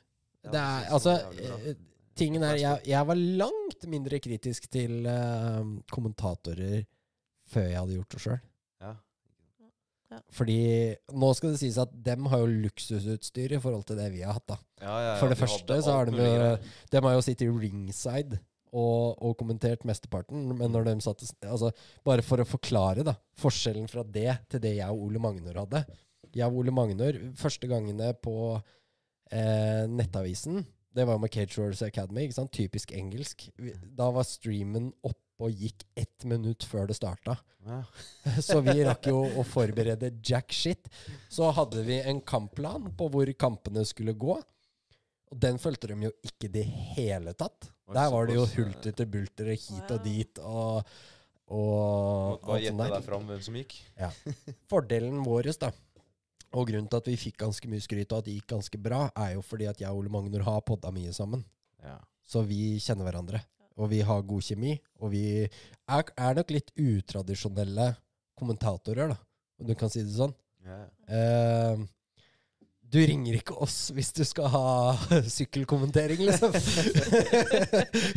du, du ringer ikke oss da. Det tror jeg veldig mange var klar over. Og det var noen som var litt sånn surmurte for at vi var veldig partiske. da, At vi heia på våre utøvere og sånn der. Hvorfor skal du ikke gjøre det? Du er jo Ja, ikke sant? Eh, Norske fotballkommentatorer heier jo på de norske laga hvis de Det er viser følelser. Det er jo Ja. Men det er jo litt uvant for MMA, ikke sant? For der er det veldig ofte kanskje treneren til noen eller Plutselig sitter DC og kommenterer en kamp med sin fighter, ikke sant? Eller eh, Ja, ja, men da er du litt sånn på et helt annet, an- annet nivå. Ja. Når du har en norsk fighter som du kjenner personlig, som Ja. går mot en engelsk fyr, Ja. selvfølgelig heier du på han. Så um, Men det er, um, det er nok verken politisk korrekthet eller uh, seriøsitet man tenker når man ringer meg og Ole til å kommentere. Det, um, det, det, Det, tror skal være litt sånn. eh, Ja, det være, og det er derfor jeg lurte litt på hva du tenkte om, eh, om Kai og Heum, for jeg syns de gjorde en jævla bra jobb der. Ja. Det liksom Veldig bra kjemi, og de kan masse. mm, Og så klarer de å slenge inn den der eh, at det er litt kult å høre på dem. mm. Litt morsomt. og Også ikke minst at de satt i ti ja. timer, da. ja, ikke sant. Ja, de satt dritlenge. De kommenterte jo amatørkortet først, Ja. før bro-kortet. Ja.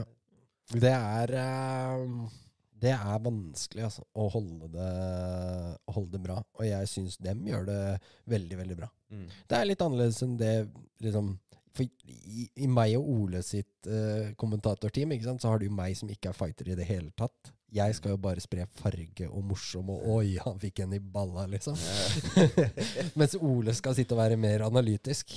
Uh, og krass, holdt jeg på å si. Men uh, det, det, det jeg også veldig merka med en gang, at det er veldig vanskelig for meg å sitte tilbake når jeg ser et eller annet skje. ikke sant?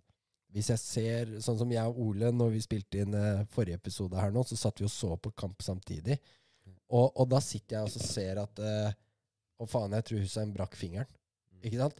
Det er vanskelig. Og når vi, når vi, vi har egentlig ganske satte roller når man skal kommentere.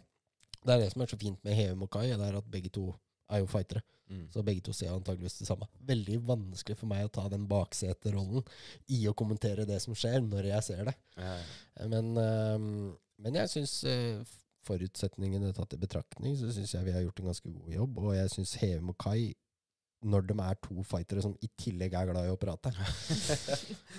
da blir det en bra kombo. Ja. Det, det blir det. Men jeg, jeg skulle veldig ofte ønske at det var tre stykker i et kommenteringsteam istedenfor to. Mm. For uh, det er et eller annet som skjer når man er tre, uh, enn når man er to. Fordi da, da får du veldig ofte en som kanskje sitter og ser veldig nøye, to som prater litt mer, og så er det en som observerer, og så får du liksom ting til å flyte mye bedre. Ja, Du får den der gruppegreia. Mm. Det er alltid noen som har noe å si. Ja, jeg tror, det, jeg tror UFC spesielt har gjort veldig lurt i det, for der har de veldig tydelige roller. Ja. Eh, med John Anik som på en måte styrer det som skjer, og så har du DC og Rogan som har en veldig god kjemi. Mm. Og samtidig så er begge to veldig kvalifiserte til å snakke om fighting. Selv om jeg eh, på en måte Jeg har sett veldig mye fighting. Jeg tror ikke det er veldig mange i Norge som ser mer fighting enn det jeg gjør. Eh, Men det har mye å si, det òg, for da Ja. veit du liksom hva du prater om. Og du Ja. hører jo på kommentatoren når du hører på Rogan og Ja. DC og Anik. ikke sant? Da hører du hva de prater om. Og så er det veldig mye følelser, da. Eh, det er sånn hvis du kommenterer eh, en fighter fra spesielle gymmer, da, og så sier du et eller annet som dem kanskje tar litt negativt, da får du jo hele stormen etter deg. det opplevde vi forrige gang. Da var det sånn Hva faen er det dere prater om, liksom? Og jeg bare sånn Hva? Hva? Ikke sant? Du kan ikke bare si at det er feil, du må si hva som er feil. Ikke sant? Ehm, det å være kommentator er veldig vanskelig. Og med det utstyret jeg og Ole har hatt, så er det ikke blitt eh, bedre, da, for å si det sånn. De første gangene så hadde vi ikke lyd, og, for det, og så hadde vi Når vi satt ute på Romerikes Blad der, da hadde vi delay i lyden. Sånn at vi så bildet før lyden, og så fikk Mm. vi oss sjøl i ekko i øret. Så da kunne vi velge, da. Skal vi ikke ha lyd i det hele tatt, eller skal vi ha oss sjøl med ekko og sitte og prate med ekko i øret? Er det, det er det jævligste som er. Går ikke. Så jeg blei litt misunnelig når jeg så Wakai og Ja, de hadde alt, de. Det Ja. var bare å kjøre på. ja. Men uh, flinke er de. Flinke Ja. er de. Mm. Og jeg, ja, jeg har hatt Heum her flere ganger. Da må vi jo kutte av. Ja. Det er bare sånn Nei, nå må vi stoppe, ellers så sitter vi her til i morgen tidlig. Liksom. Han, er veldig, han er veldig engasjert. Han Mm. kan prate om For han elsker det. Han elsker fighting. Han elsker, elsker å holde på med det. Mm. Han kan prate om det hele dagen. Og det er dritkult. Og, da. og han har så mye kunnskap om det òg, så Mm. det er bare å plukke. Mm. Mm, mm. Det er det Ivana har gjort òg, så det Ja, jeg, jeg så, så jo det på strikinga di, holdt jeg på å si. Vi snakka Mm. om det, at du, du ser jo mer presis ut nå. Og distansen din er veldig god. Ja. De kryssene som gikk inn der, du sneipa dem inn, liksom. Jeg har kjørt pads med Heum Mm. tre siste uker før kamp. Mm. Det er ikke noe pads før det, fordi Mm. han var på ferie. Mm. Så han har brukt hver eneste dag til å trene med meg Mm. mens han var på ferie. Mm. Og det er derfor. Det Mm. var sånn Jeg bare har kommet fra hit til hit Mm. i tre uker. Mm. Så det er jo veldig bra. Han er veldig flink å vise og lære folka. Ja. Veldig, veldig flink trener. Ja. Jeg ser jo Emil er mye nede i Larvik nå og trener både her og der. og Ja. Det virker jo som at dere det, Vi snakka jo om det når Kaja var her òg, at det- det er, det er litt sånn spesielt. Fordi det er jo ikke en sånn kjempestort sted, men det er sjukt mye fighting der nede. Mm, det det. Um, altså Team Valhall og alt det dem har produsert opp igjennom, har jo vært helt rått, egentlig. Da er det sånn ikke Oslo, liksom. Mm. Masse bra fightere. Og nå skal jo Kai Håp nå på GFD i Sandefjord. Mm. Det blir et MMA-parti der òg. Mm. Det gir liksom muligheten til flere, flere kids da, Ja. som ikke kan ta bussen fra Tønsberg til Larvik. Mm. Men det er lettere å komme seg til Sandefjord. Mm. Det er bare å, bare å få kidsa i Vestfold til å starte med MMA. Ja. Da blir ting mye bedre. vet du. Mm. Jeg, er- jeg, jeg er sånn hellig overbevist om at eh, det å drive med kampsport, det tror jeg er jævlig viktig for veldig mange. Mm. Fordi du får et litt sånn annet altså Jeg merker bare på meg sjøl med hvordan det er liksom Det er eh, Det tømmer egoet ditt, da. Rimelig fort. Ehm, og, og, og du blir litt sånn mer Du lever litt mer realistisk. Mm. Du ser masse mennesker som som tror de er skikkelig tøffe, ikke sant? Mm. Og som prater som noen skikkelig tøffinger. Men de er jo egentlig ikke det. De er jo egentlig bare usikre. Og det er jo ingen som har lyst til å slåss når de er ute. Men så er det, så er det sånn Noen klarer ikke å svelge en kamel, ikke sant? Men, ehm, Nei, det er jævla sunt. Jævla sunt å få kjenne litt på det. mm, Vi De trenger det. Ja. Alle trenger det. Spesielt, eh, spesielt ungdommen. Ja. De Ja, for du ser jo det er jo så mye Det er jo så mye drit med ungdommer nå. Dop og kriminalitet, og de vet jo ikke hva de skal gjøre. Spesielt nå, da, når liksom alt har vært stengt ned. Jeg sliter skikkelig jeg med også å kritisere ungdom som, som finner på andre ting å gjøre når det liksom ikke er noe tilbud. Mm. Um, Hva skal de gjøre, da? Ja. har ikke noe å finne på. Det det er mange som går feil vei, vet du. uga, nei, lediggang skaper ugagn, er det ikke det det heter? Jo. Um, Har du en jiu-jitsu-time du kan komme til tre ganger i uka, Mm. så gidder du ikke å fly rundt på byen og fighte. For Nei. da får du nok juling på matta uansett. Og ikke minst, du har ikke energi til å gjøre det heller. Det er faen meg helt eh, Da er det jo helt tømt. Og så tror jeg det er et eller annet i oss mennesker om at vi, vi må få Vi må brenne av det kruttet noen ganger. Ja. Og du får ikke det samme uansett hva du trener. Og jeg merker jo det sjøl også. Det er ingenting som er mer tilfredsstillende enn å være på vei hjem fra jiu-jitsu-trening eller muay thai eller et eller annet. Du får en sånn der high som man ikke får av noe annen type trening. Mm. Så um, Det er spesielt. ja, det er veldig spesielt, men jeg tror også det er veldig menneskelig. Jeg tror det, jeg tror det er sånn det, det er, Vi er aggressive dyr, ikke sant? Hvis du ser tilbake på sjimpanser som vi stammer fra, ikke sant? Der har du jo eh, Der har du to forskjellige eh, samfunn da, med sjimpanser nede i Afrika. De ene bor på den ene sida av elva. Der er det skikkelig fint og masse mat, og der lever de i fred og fordragelighet og tar vare på hverandre. Og så på den andre, der er det verdenskrig, liksom, fordi det er mindre ressurser. Mm. Og det får meg til å tenke liksom at det er noe inni oss som vi trenger å liksom være i balanse. Og det er ikke veldig ofte at uh, mennesker er det i et sånt samfunn der hvor du jobber eh, åtte timer om dagen hver dag, kanskje på en jobb du hater. Mm. Mest Og- sannsynlig på en jobb du hater. Mest sannsynlig på en jobb du hater, ikke sant? Eller føler deg Du føler deg ikke ivaretatt, da. Mm. Men um, Ja. Nei, det Ja, er mange, mange lever sånn, vet du. Og det bygger opp noe inni deg. Du Mm. må ha et sted du kan bare slippe deg litt løs. Mm. Og det er derfor du kan gjøre det på matta. Men- Hvordan har rekrutteringen vært nå som det på en måte har åpna igjen? For det har åpna igjen ordentlig nå? Ja. Dere Ja. kan trene som normalt nå? Ja. Ja. Men det har åpna, og så er det jo sommerferie og greier nå, så man har ikke helt kjent på hvordan, hvordan det er, da. Mm. Jeg tror når skolen starter opp igjen, og det greiene der, så begynner folk å komme tilbake til det normale livet. Mm. Og da blir det kanskje flere nye folk på treninger, og folk som vil starte. Mm. Så jeg tror det kommer til å smelle når det først åpner opp ordentlig. Mm. Når folk begynner med i gang med vanlig jobb, eh, skole og alt det greiene der. Mm. Tilbake til normalen. Det er det er sånn med podcasting òg. Merka det med lyttertallene liksom når det blir ferie og, og, eller nedstengninger, for det er jo et pendlermedium. ikke sant? Det er pendlerne som hører på podkaster. Mm. Og merka den ene uka hvor det liksom var tilbake og alt var åpent. Da bare skøyt det i taket. Sitte på toget og høre på, vet du. Ja, ja, ja men det er, det er mange som gjør det, og jeg skjønner at de gjør det. Jeg, altså, sånne ting som podcasting har fått meg til å gjøre så mye ting jeg ikke liker å gjøre. Sånn som å pusse opp her nede. Bare slenge en podkast på øret, og så dundre løs, liksom. Eller nå så dere sikkert konteineren utafor her. Og drive og kasta til en sånn mann med ljåen. Det går fint, det, så lenge jeg har podkast på øret. Det blir litt eh, lettere. ja. Det er ehm, Pendling er det kjedeligste i hele verden. Så eh, uff, jeg orker det ikke, liksom. Men, uh, men ja. Det er, uh, det er i hvert fall kult da, at det liksom har kommet sånn ordentlig i gang med proff. Det starta bra, det var ikke noe Det var jo egentlig en ganske perfekt gjennomføring. Mm. For, for oss i hvert fall, som så Ja. på. For meg også. Ja. Det var en perfekt tur også. Mm. Det var eh, dritbra i England. Mm. Før, når jeg kuttet vekk to sammen, liksom ikke bare etter kamp. Ja. Det var, alt var sånn bra. Det kunne ikke være bedre. Vi var bare Hva som skjer? Ja. Alt gikk perfekt. ja, Mm. alt gikk perfekt. perfekt. Hele turen. Ja, Mm. ja. Kult. Mm. Så jeg bare gleder meg hva som kommer eh, fremover. Det gleder vi oss også til. Det er jo mange som sier at Ivana blir den som tar MMA til Norge. Det er, vi skifter litt mellom Martin Hamlet, Jon Vetle og Ivana. Ja. Og veldig mange sånn I politisk korrekthet så må det jo være en kvinne som gjør det. Det er litt sånn samfunnet er nå. ja, men hvorfor det gjør jeg, jo lettere blir det. Det er bare å bruke meg. ok. Jeg vet ikke om du skal si det når kjæresten din er her, men eh,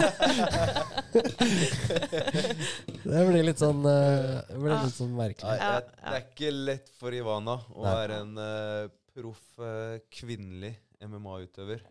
Nei. Eh, du skal se de meldingene hun får. Fy faen. Ja. Eh, Um, Når du blir sett på TV av noen fulle engelskmenn, og, og de finner deg på Instagram, Mm. Ja, det er kommer helt det mye sykt. koselige meldinger.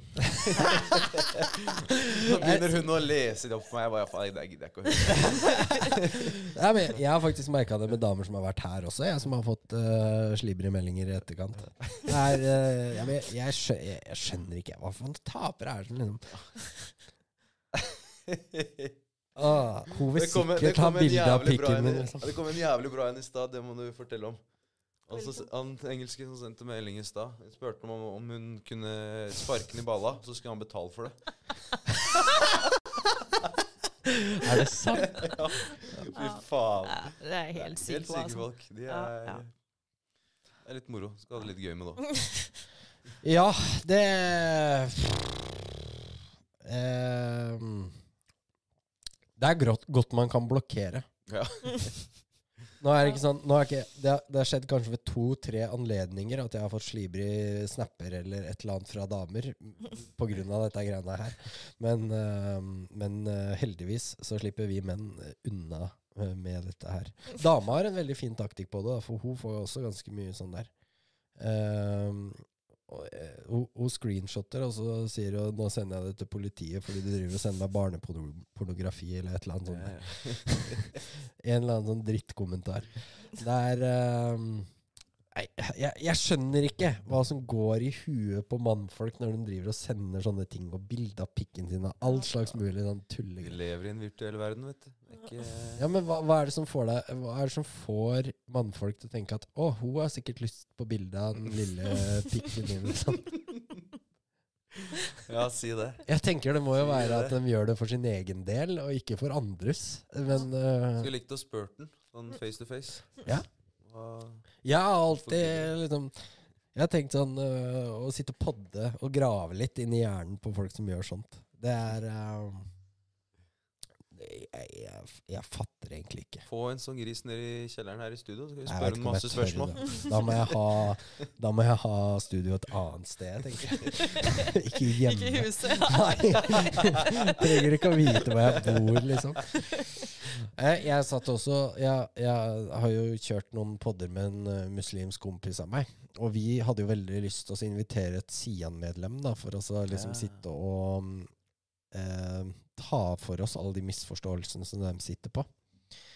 Men da tenkte jeg også at jeg har egentlig ikke lyst til å ha han hjemme i huset mitt. Ja, ja. For det er sånn Du har ikke lyst til å invitere noen fra en håper å si, terrororganisasjon inn i, Ja, inn i huset ditt. Det er uh, Nei, mennesker er merkelige, altså. Det er uh, Ja, jeg veit da faen. Jeg er litt merkelig sjøl òg. Jeg er fullt klar over det. det er jævlig mange som syns jeg er litt merkelig. Ja, men Eh, alle har sin ting. Alle er merkelige på sin egen måte, vet du. Ja. Jeg, jeg også er litt sånn Jeg har begynt å se litt på når vi, Apropos det virtuelle greiene og Instagram og sånn. Jeg har bare meldt meg helt ut av ja, Instagram. jeg så det. Jeg prøvde å tagge deg i stad, men du Ja. var jo borte. Nei, det, jeg blei drittlei. Mm. Jeg liksom ser folk lever Instagram-livet har jo blitt viktigere enn det virk, virkelige livet Mm. folk. Det er helt sykt. Mm. Jeg bare tenkte faen, det gidder jeg ikke lenger. Jeg bare sletta hele driten. For en styrke du har til å gjøre sånt. Nei, men det er bare å gjøre det. det. Jeg skal love deg, du angrer ikke. Det er veldig ofte jeg står og tenker på det. Og jeg, jeg, tok, meg, jeg tok meg to måneder av. Ja. Og det var egentlig jævlig chill. Men problemet er at jeg må inn og poste episoder og Ja, ja, men når det du er har en sånn jobb. ikke sant. Ja. Men jeg skulle jeg, jeg, desto mer tenkt, stått og tenkt liksom det bare at eh, Hvordan hadde podkasten fungert hvis jeg bare hadde deaktivert alt, sletta alt? Alt måtte bare gå på folkemunnen, ikke sant? Få Mm. det bort.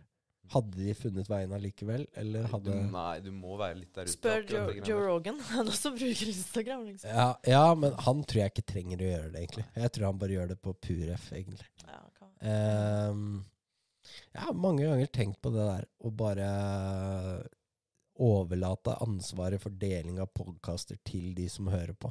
For det er på en måte aldri Veldig mange er sånn 'Å, del og Hvis jeg ber folk om å dele noe, så er det gjerne et eller annet viktig. Eh, Sånn som den videoen jeg lagde om eh, legalisering av MMA, eller spleisen til Geir Kåre, eller sånne ting.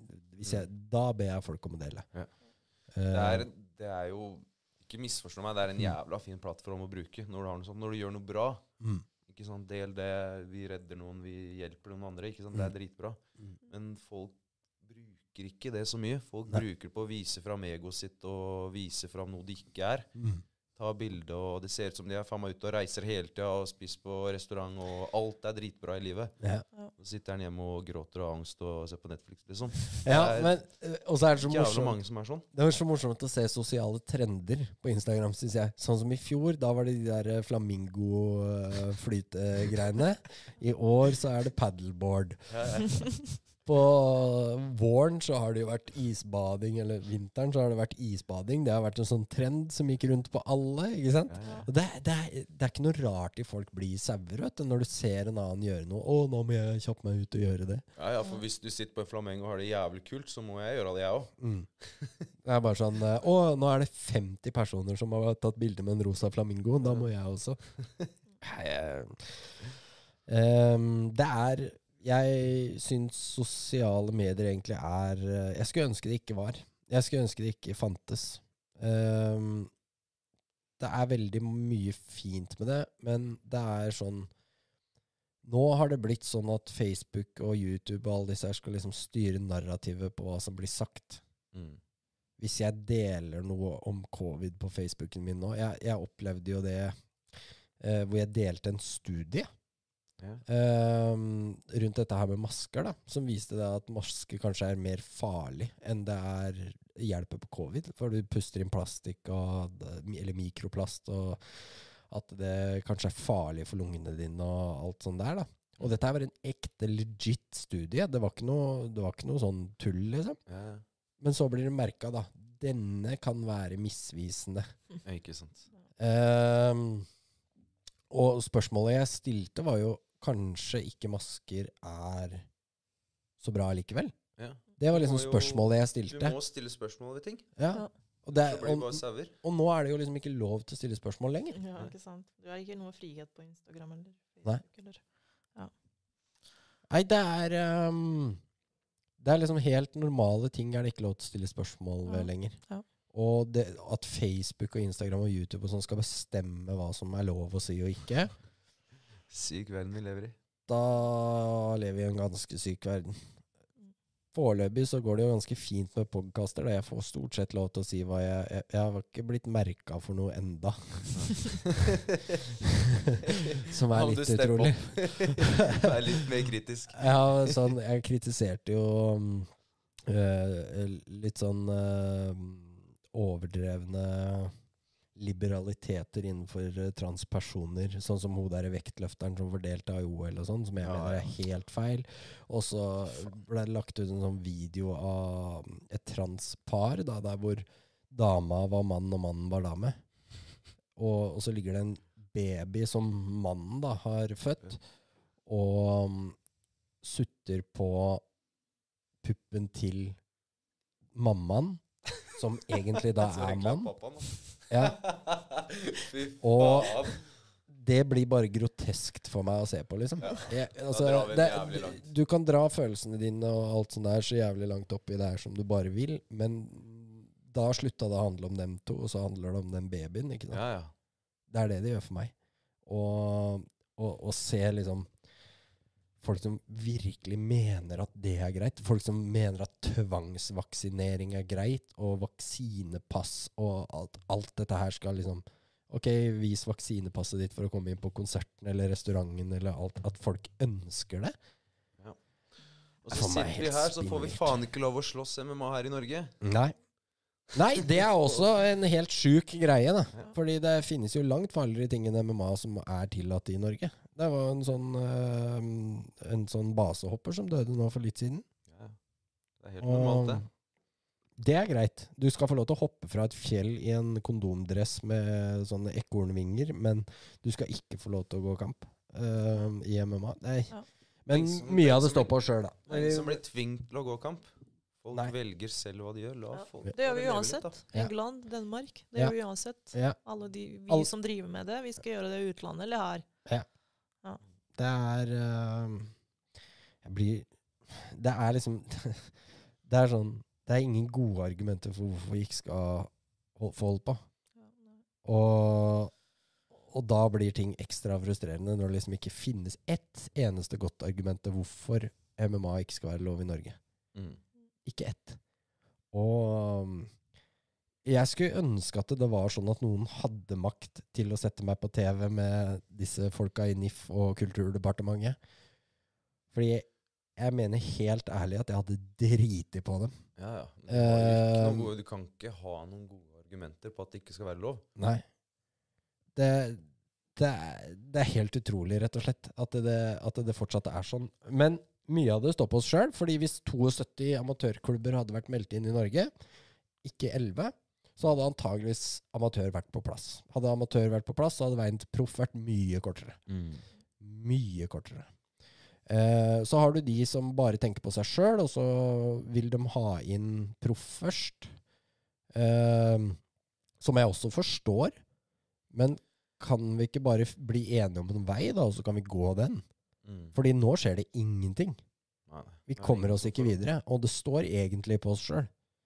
Fordi én rute, som er ganske sikker i norsk idrettssammenheng, er å få inn breddeidrett først, og så proff. Mm. Det er sånn det har vært med alt. Um, så at vi ikke har fått til det på tre år, er jo ganske utrolig. Det er um, smått utrolig. Um, men nå, nå begynner det å bli sånn at nå, nå gir jeg faen snart. Nå, nå må vi bare pushe for proff. Vi, må, vi må legge alle kluter til, og så er det litt sånn Det er 1000 kokker på kjøkkenet og 1000 forskjellige meninger. Det er ikke noe én retning. Så um, det er veldig mye som vi kunne gjort bedre, som forbundet kunne gjort bedre, som klubbeiere og alt sånt der kunne gjort bedre. Vi, det er, det, hvis vi skal være helt ærlige, da, og, og jeg skal komme med en liten brannfakkel her, Ja. så er det vel kanskje vår, mest vår egen skyld at det ikke er lov. Ja, men uh, Vi veit ikke hvor vi skal gå, virker det som. Nei, det går an å finne ut av. Ja. det, det, er litt sånn, det er litt sånn som med de eh, Ikke sant? Heum kontra andre gymeiere, da.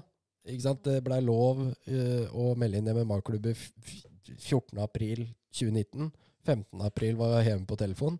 Mm. Ikke sant? Ja, ja. Eh, du har de folka, og så har du de som sitter og fortsatt venter på å få en e-post på hvordan man skal gjøre dette her. Det er, det er to forskjellige mennesker, og, og veldig mange bruker jo det å sitte og vente på informasjon som årsak til at man ikke melder seg inn. Mm. Um, men det er, ikke, det er ikke sånn det funker. Det er bare for lite tak i folk om dagen, rett og slett. Det er det jeg sitter og føler på. da. Fordi jeg, og sånn har jeg veldig ofte vært også, at jeg, vil så veldig mye, men hva skal jeg få gjort? på en måte? Ja. Jeg kan sitte og prate om det, jeg kan pushe på folk. Og forbundet var jævlig glad i meg når jeg satt og masa om at folk skulle melde seg inn i hver eneste episode. Men så ble de jævlig furtne når jeg kommer med kritikk til hvorfor de ikke sender seniorer til EM og VM og alt sånt der. Så um, det er, det er litt mye egoer i spill, det er litt mye tiltaksløshet og Men jeg tror de fleste tenker det samme som du sier der. Hva skal jeg gjøre? mm. Ikke sant? Jeg prøver å gjøre noe. Jeg lager en video og, og, og, og prøver å få folk til å dele den, ikke sant. Men så var det 65 delinger, ikke sant. Det er jo, det er jo ingenting. Det er jo ingenting. Folk gidder ikke å dele engang. Nei, og da, og da sitter jeg her, og selv om han fikk, eh, han fikk bra med visninger og, og likes og alt sånt der, så fikk jeg en melding fra en eller annen Jeg skal ikke oute hvem det var, men eh, det var en MMA-proff som bare er synd du ikke la med meg i videoen, for da skulle jeg delt den, liksom. Ah, ja. Og da satt jeg bare og tenkte Med all respekt, fuck you. Fordi eh, hvis det er liksom det viktigste for deg Kompis, da har du liksom ikke skjønt det. Da er du en del av problemet, rett og slett. Mm. Uh, det, er, det er litt mye sånn, tror jeg. ja, det tror jeg òg. Men det er, fightere, de Det er litt ego i fightere. Ja, Det må, sånn er det bare. ja. ja. Han, han er i bur aleine. se seg sjøl litt i speilet òg, da. Ja. Det, det er ingen som kommer til å legge proff-MMA foran eh, beina på deg og si vær så god. Nei. Det er det ingen som kommer til å gjøre. Alle må være med, ellers så kommer det aldri til å skje. Eller kommer til å skje på et eller annet tidspunkt. Men det går så sakte. Og jeg har ikke lyst til at en nok en generasjon skal bli borte. ikke sant? Det begynte jo nå med Thomas Robertsen, som måtte gi seg uten å ha gått en eneste kamp i Mm. Norge. Faen, så synd. Ja. Det er så jævlig synd, det. Og, og, og det er ikke, med all respekt igjen, da, det er ikke så mange åra igjen på Emil og Jack og, og Martin og Quentin og alle disse her heller. Det er, det er en gang sånn at man blir eldre. Tida flyr. de er jo godt inn i karrieren, så Ja. Det er, de, de skulle jo i utgangspunktet, ideelt sett, da, ha hatt muligheten allerede. mm. Tiden er nå. Ja, men jeg vet det er veldig mange uh, som har liksom bare slått seg til ro med det. At det kommer ikke til å skje for meg. Mm. Jeg prata jo med Emil om det på poden, og han var bare sånn at det kommer ikke til å skje. Det kommer ikke til å skje for meg. Det må bli neste generasjon. Og det syns jeg er litt sånn Igjen med all respekt veldig sånn defensiv holdning. For hadde jeg, vært Emil, så hadde, og jeg skjønner jo det at han ikke kan legge liv og sjel fordi han har en MMA-karriere. Ja, det er jo det. Han har jo liksom Men- oppnådd så mye i Ja. karrieren sin, og han For han er kanskje ikke på førsteplass av prioriteter å slåss her i Norge, Nei. når han har et så bra karriere utafor. Ja. Og den skjønner jeg, at han ikke kan bruke tida si på det. Nei, men hvis Det hadde vært jævlig mye enklere, da. Ja. Hvis, eh, hvis alle hadde vært med å bidra. Og ikke bare nevne det én gang i en VG-artikkel en gang for tre år siden, men å legge trykk på det og mase om det hele tiden. Jeg føler den som av de store som har masa mest om det, har jo vært Jack. Og han er svensk, sånn Mm, egentlig. Ja, ja. Selv om han, vi har stjålet den, og han er norsk, så er han jo egentlig svensk. Sverige vil jo ha han tilbake nå, da, som han er i toppen av. UFC. Men det får de ikke. Det går an å dele litt på han. Ja, det går an å dele litt på. Men uh, Nei. Det er Hva tenker du når du nevner media og VG og sånn? Mm. Mener du det er nok, nok eksponering i media om MMA og nye fightere? Nei. Unge. Ikke Nei. i nærheten. Nei. Men jeg skjønner også til en viss grad hvorfor det ikke er det. Nå skal det sies at siden jeg starta den poden her, da Den poden blei jo starta Eller om MMA-episoden, da blei jo starta om fordi vi likte å prate om MMA, men også det for å gi litt shine til dem som ikke får det, av de store mediene. Og før så skrev de jo nesten ikke om MMA i det hele tatt. Det har skjedd masse på de siste eh, tre årene nå. Det har det. Eh, Jack har vært på NRK, liksom. Mm. Hvem faen hadde forestilt seg at NRK skulle være en av de som dekka eh, MMA? Ja. Um, men mye av det er jo fighternes egen skyld. Man prøver ikke liksom å etablere seg det nettverket, eller få den oppmerksomheten skal, Mm. som skal til. Eh, for det er ikke så vanskelig å komme i pressen hvis du bare vinkler det riktig. Det er det ikke. Eh, og bygger deg bekjentskaper og bruker nettverket ditt, ikke sant. Jeg er jo en av de som maser mye på disse journalistene som jeg kjenner, ikke sant. Jeg, dette her må dere skrive om, få det ut, få det på, gjør det. Ja. Eh, og noen ganger så er jeg blitt overraska at de bare Ja, vi har skrevet det er her. Ja. Men um, Ivana fikk ikke en dritt nå. Nei. Ikke noe oppmerksomhet. Og jeg sendte tips personlig. mm, VG, Dagblad, Men- lokalavisa Tønsbergs Blad. Det var ingen. Ingen? Ingen? Det var eneste eneste som hadde lyst til å snakke med meg. er jeg Ja, eneste? MMA Viking skrev, eh, skrev noe om Ja. Han er jævla Han eh, Ryan er eh, et veldig bra menneske. Mm. Og Men det er jo litt sånn eh, Hvis jeg skal gi noen tips, da. Eh, hvis du nærmest skriver artikkelen ferdig for dem Mhm. Det er det Gjør jobben når, for dem. Når jeg, har gjort, når jeg har gjort noe i, eh, i avisen, da, mest lokalavisen egentlig, Mm. da har jeg, jeg kommer med meg i lokalavisen her akkurat når jeg vil, fordi jeg skriver nesten ferdig artikkelen for dem, så de kan bare klippe ut og lime inn. Ehm, men eh, De kan jo gidde å ta kontakt, da.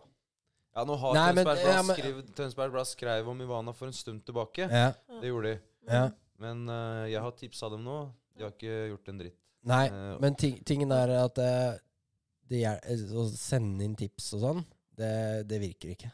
Det du må gjøre, er at du må etablere en kontakt med en journalist. Ja. Per Oppsal hos VG, for eksempel. Ja. Han er jævlig ålreit. Han er dritålreit og er keen på å skrive om MMA. Ehm, mest sannsynlig så har han ikke visst om det engang, fordi de som er journalister på MMA, følger jo nesten ikke med. Ja, men det er det jeg tenker. Har du ikke folk som følger med på Nei, lokal- de har jo ikke en som er ansatt til å sitte og holde på med MMA. Og det er litt synd. Men det er fordi at MMA ikke er stort nok. Man gjør ikke nok ut av seg sjøl. Det er ikke noe Altså, hvis vi hadde virkelig ønska å gå for å legalisere MMA, så er det nok drama til at avisen hadde skrevet om det. Uten tvil. Ehm, men det er sånn Har man ikke noe forhold, da, så er det vanskelig å få pusha inn noe. Sånn som Jack har jo jobba med også Eller David, da. Og Jack har jo jobba med å etablere forhold med journalister som gjør Mm. at veien er mye kortere. Å sende inn til tipstelefon eller ja. der får de inn 90 millioner ting, Mm. ikke sant? Ja, jeg, Eh, ser, jeg ser de store avisene, det kan jeg skjønne. Men jeg Mm. kan ikke skjønne at hvis du har en fighter fra å begynne en liten by, og det Ja. er lokalavisa og lokalavisa har Ja. ikke nok å skrive om. ja, det er eh, så mye drit de skriver. Ja. Ja. Ja, det lyna ved båten min, og så står det, står det bilde av en fyr, og Ja.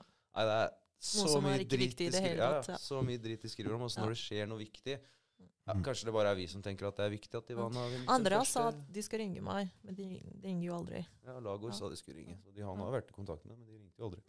Nei. Og så er det veldig ofte sånn der via-via-kontakt er også ikke bra. Mm. Folk hater å deale med management eller eh, sånne type ting. Nei, Vi må bare være på og si ifra. Ja. Jeg driter i hva jeg sier ifra. Tønsberg Blad har ikke ringt Ivana. Det burde dere gjort. Ja, men de ringer ikke. Ikke fordi det er Ivana, men fordi det er en uh, proff idrettsutøver som har gjort noe jævlig bra, og da burde lokalavisa skrive om det. Uansett hva det er. Det er, men sånn har det vært for Thomas Robertsen også. Mm. Eneste gangen eh, de skrev om Thomas Robertsen nå i det siste, var når han tapte den kampen. Ja, det er jo helt syk.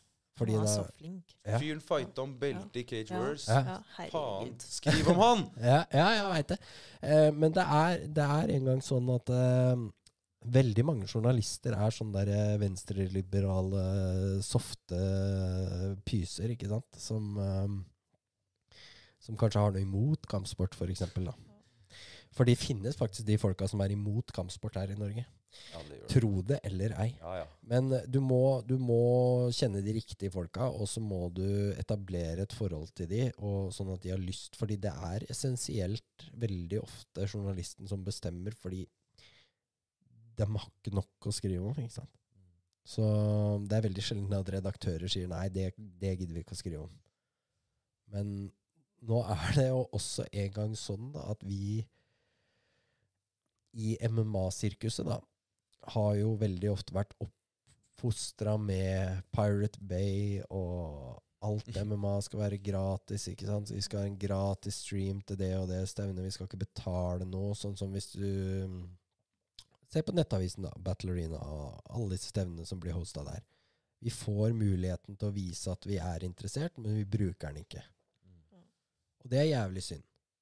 Altså, det, for det, det hjelper ikke hvor mange ganger jeg avbestiller og bestiller det abonnementet på nytt igjen. ikke sant? Hvis det sitter 500 mennesker og ser på et sånt stevne, så tenker jo ikke Nettavisen at vet du hva, dette her, det skal vi kline til å satse på. De, eh, de skulle jo sende PFL på direktesport og sendte Anthony Petty sitt stevne, men folk så jo ikke på det. Og da kutta de ut PFL etter ett forsøk, fordi vi som ser på MMA, heller skal finne oss en gratis link. For eksempel når vi kommenterte eh, Når vi kommenterte et Cage Warriors-stevne, så gikk det jo på Facebook. Og da skulle det jo egentlig være geosperre, da. Ja. Men da satt jo folk og så på på Facebook istedenfor å bruke direktesport, fordi det var gratis. Og jeg skjønner det på en måte, men det folk ikke skjønner, da, det er at da får du ikke prioritet. Da gir folk faen. Hvis du ser at her er det ikke noe å hente, her er det ikke noe klikk å hente, her er det ikke noen visninger å hente, her er det ingenting. Mm. Da får vi heller ingenting. Ja, Og- det går begge veier. Og, og når det er kule stevner, ikke sant? det er masse nordmenn som går, og så får jeg liksom snaps av at eh, folk er ute på byen og fester, og faen, folk må få gjøre som de vil. Men ikke kom og klag etterpå, da. Da kan du ikke være en av de i hylekoret som sier at vi får ingenting. ikke sant? Hvis du ikke bruker det sjøl. Mm. Nei, De gidder ikke å sette opp hvis ikke det er nok seertall. Jeg ser jo den. og um. Det er, det er veldig synd, fordi det er veldig mye snakk og lite gjennomføring. Og det gjelder nok veldig mange ting. Det er nok ikke bare i MMA-sirkuset det gjelder. Eh, jeg skulle jo ønske at det var sånn liksom, hver gang Jon Vetle gikk kamp, så samla hele MMA-Norge seg rundt for å se Mm. på, og, og, og hele den pakka der. Eller når Ivana går, eller Martin går, eller Emil, eller Jack, eller hvem som helst. Men folk har liksom Jeg driver jo den derre Facebook-forumet, ikke sant? Og så, og så er det folk som klikker på spoilers etter Jack har gått. Da. Jack, sist kampen han gikk, var liksom klokka ett eller et eller annet sånt. Den var ganske tidlig. Og da sier jeg det som det er, at du vet hva, hvis du ikke gadd å sitte og se kampen til Jack klokka ett, da var du ikke så interessert i utgangspunktet. Så ikke kom her og mas om spoilers. Mm. S altså Sorry! Ja. Eh, og det er jo et problem, problem, for her har du noen som er utrolig engasjerte og har lyst til å få det til, og så har du noen som er sånn det, Hva blir det rette uttrykket? Passive deltakere, ikke sant? Ja. De har lyst til at ting skal bli fiksa, ikke sant? Lyst på godene, men har ikke lyst til å sitte oppe til klokka ett og se på og vente på jakk. Nei. Ehm, det er veld, veldig mange passive deltakere i MMA-sirkus, og det er helt sikkert ikke noe uvanlig. Det er helt sikkert veldig vanlig. Og så har du noen aktive deltakere da, som ønsker mest, og som ikke får med seg gjengen, på en måte. Mm. Og det er synd. Men ehm, inntil vi får MMA på norsk jord, så tror jeg ikke så fryktelig mye kommer til å endre seg. Det er sant. Ehm, jeg tror det at med en gang man kan begynne å gå Det er bare sånn drømmer om å gå og se amatørstevner hver eneste helg. Deilig Det snakket vi om. Ja, tenk deg hvor deilig det hadde vært. En fredagskveld, en lørdagskveld. Ja, vi stikker og tar noen øl og ser på, Fighting, liksom. på fighting. Det, jeg er merka det bare med merkekampstevnet i Lillestrøm, liksom. Bare hvor chill det var. Og bare Å, i dag skal jeg dra og se på fighting, liksom. Ja, ja. Selv om det ikke er Det er jo ikke det mest fightete fightinga du har. eh, Ja, Så er det, det, det er nok, ikke sant? Det er grappling, og det er litt striking, og, og det er man samles, og til og med Emil var jo der. Mm. Emil var oppe og backa Ja, ja. eh, på et merkekampstevne i Lillestrøm, liksom. Mm. Eh, det forteller litt Mm. i min bok. Um, at, man, at sånne som han dukker opp der, det er jævlig viktig. Det er det. Um, men når det kommer til media og alt sånt der, det er fortsatt mye å gå på, men vi har gjort store framskritt. Ja, Store dritt i avisene. Nei. Ikke noe som helst. Nei. Da var det jo så vidt når Emil gikk, ikke sant? Mm. Det var nesten ikke sånn at hun gadd å skrive da engang. Men eh, veldig ofte så er det jo de negative tinga som kommer. da. Hvis Conor McGregor har oppført seg som en dust, eller uh, dette dramaet vi hadde med Viaplay når de skulle kjøre Det var første gang en journalist har ringt Eller det jo faktisk ikke første, men det var en av de få gangene jeg har blitt kontakta av journalister da, for å liksom si noen ting. Ja. Uh, det skal være litt drama, det skal være litt uh, Det er liksom ikke positive nyheter som står øverst. Da. Så hvis du veit hvordan du skal liksom Hvis du liksom hadde dratt på en sånn Ivana sleit, ja, det var tøft vektkutt og Ja, store problemer, men kom seirende ut allikevel. ikke sant? Hvis du f- setter et sånt narrativ da, til Mm. avisen, da blir det plutselig mer Det er interessant å skrive. Men um, ja, man må rett og slett vite litt hvordan man skal håndtere sånne. Også, Nei, vi, har mye, vi har mye å gå på. Mm. Og så ikke minst dette her med sosiale medier. Ja. Det er dritviktig, dessverre. Ja, Eh, folk bruker halve dagen sin på det, så det er der livet går. Ja. Men det, på, på en annen måte så har det jo blitt veldig enkelt, da. Det er litt som vi snakka om i stad. Jeg føler det at uh, man er mer på vei bort fra sponsing til mer sånn crowdfunding og, og subs og Twitch og Patrion og sånne løsninger istedenfor Mm. de der vanlige sponsorene. Ehm, for der er det også viktig at man setter en markedsverdi. Det er veldig mange som tar opp mot ting gratis, og det er egentlig med på å nedbygge verdien din. Mm. Alt som er gratis, har gjerne samme verdi, er det noen som sa til meg en gang. Og jeg er jævlig streng med kjerringa på det greiene der. For hun får masse tilbud hele tiden. Og jeg sier bare nei. Med mindre de kommer cash i hånd, cash på bordet, drit i det. Men det er ikke mange som gjør det. Nei. Nei, og det er jo det som er problemet. hånd, det- mm. Jeg spilte jo i band i Oslo i mange år. Og vi har alltid krevd betalt. Det gjorde at vi spilte kanskje en tiendedel av de konsertene vi kunne ha spilt. Ja. Fordi vi skulle ha noe betalt. Om det var to kasser øl i backstagen, eller om det var cash, liksom, så skulle vi ha noe betalt. Vi spilte ikke gratis. Fordi det vi kommer med, er verdt noe, på en måte. Mm. Uh, og det er klart at du gjør det litt vanskeligere for deg sjøl med å gjøre sånne ting, men i lengden så tror jeg det vil lønne seg. Ja, det er jo det. Men tilbake til fighting, så er det jo Folk har lyst til å vise seg fram. Mm. Og hvis noen tilbyr deg Du kan gå kamp mot en engelsk fyr, men det er gratis. Mm. Så sier du ja. Du har Mm. ikke noe annet å gjøre. Du har lyst til å vise deg framfor verden. Du har lyst til Mm. å vise hva du har jobba for. Mm. Så tar du den kampen gratis. Da du- Betaler du for å gå den kampen òg. Ja, jeg veit det. Det er det som er Eh, så jævlig synd. mm. At vi er der. Men det er fordi man velger å være det. Mm. Det er eh, akkurat samme greie som med band hvis alle band bare hadde sagt nei. Vi skal ha betalt. Mm. Eh, eller eh, dere får dekke fly og opphold. Eller uh, Det er fordi Men hvis du sier nei til den fighten, så er det noen andre som får den. Så sitter du igjen i Norge. Ja, antageligvis. Antageligvis. Men da har du ikke undersolgt verdien din, i hvert fall. Og det finnes de som betaler. Ja. Det gjør det. Og, men jeg skjønner jo det. Jeg, og jeg har kjefta på Ole Magnor seinest sist episode for den, kampen han tok i Danmark. Altså eh, Han var co-main event. Og jeg skal ikke si hvor mye han fikk betalt, for det er fortsatt konfidensielt, men det var så lite at jeg bare Hva faen er det du driver med? Mm. Eh, han, det er verdt så mye mer enn det. Da. Og veldig ofte så er jo det at eh, folk tenker at det, det her er jo sånn det er. Ikke sant?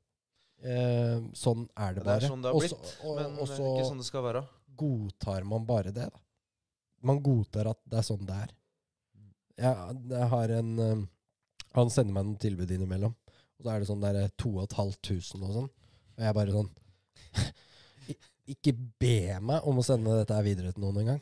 Bare fuck off, liksom. Eh, Dekke fly og hotell og så 2500 i lommepenger. Glem det. Sånt sender ikke jeg til folk. Det, hvis det skal være noe tilbud, så får du komme med noe ordentlig. Og um, jeg tror det at desto mer Man flytter mer makt over til seg sjøl, da, hvis man gjør det på den måten. Men samtidig så er det ikke veldig mange valg, med mindre man søker litt andre steder. Og det er derfor jeg sier det er bra at sånne steder som UAE Warriors, Octagon og disse her kommer kommet, for dem er ikke interessert i å drite på fightere. Nei. Sånn som Cage Wars og Bellator og sånn Og da der får du bra fightere òg. Ja. Da får du bra fightere. Ja, og noen ganger så må du kanskje være underdog, da. Men det, det kommer til å skje, ikke sant? Chris Cyborg eh, falt til slutt, to òg. Selv om Amanda Nunes var kjempeunderdog mot Chris Cyborg. Hva skulle Amanda sagt da? Nei, jeg tar ikke den kampen, jeg. Noen må jo være underdog. Ja, Det er bare to stykker i oktagon, og en eller annen Ja. er underdog. Ja. så noen ganger så må du rett og slett ta en kamp der du veit at du starter bak, men du har jo alltid sin mulighet til å vinne. Ja, ja. Så um, Men nå har vi kjørt i nesten eh, to timer, og dere skal jo hjemover etter hvert, så En time og tre kvarter.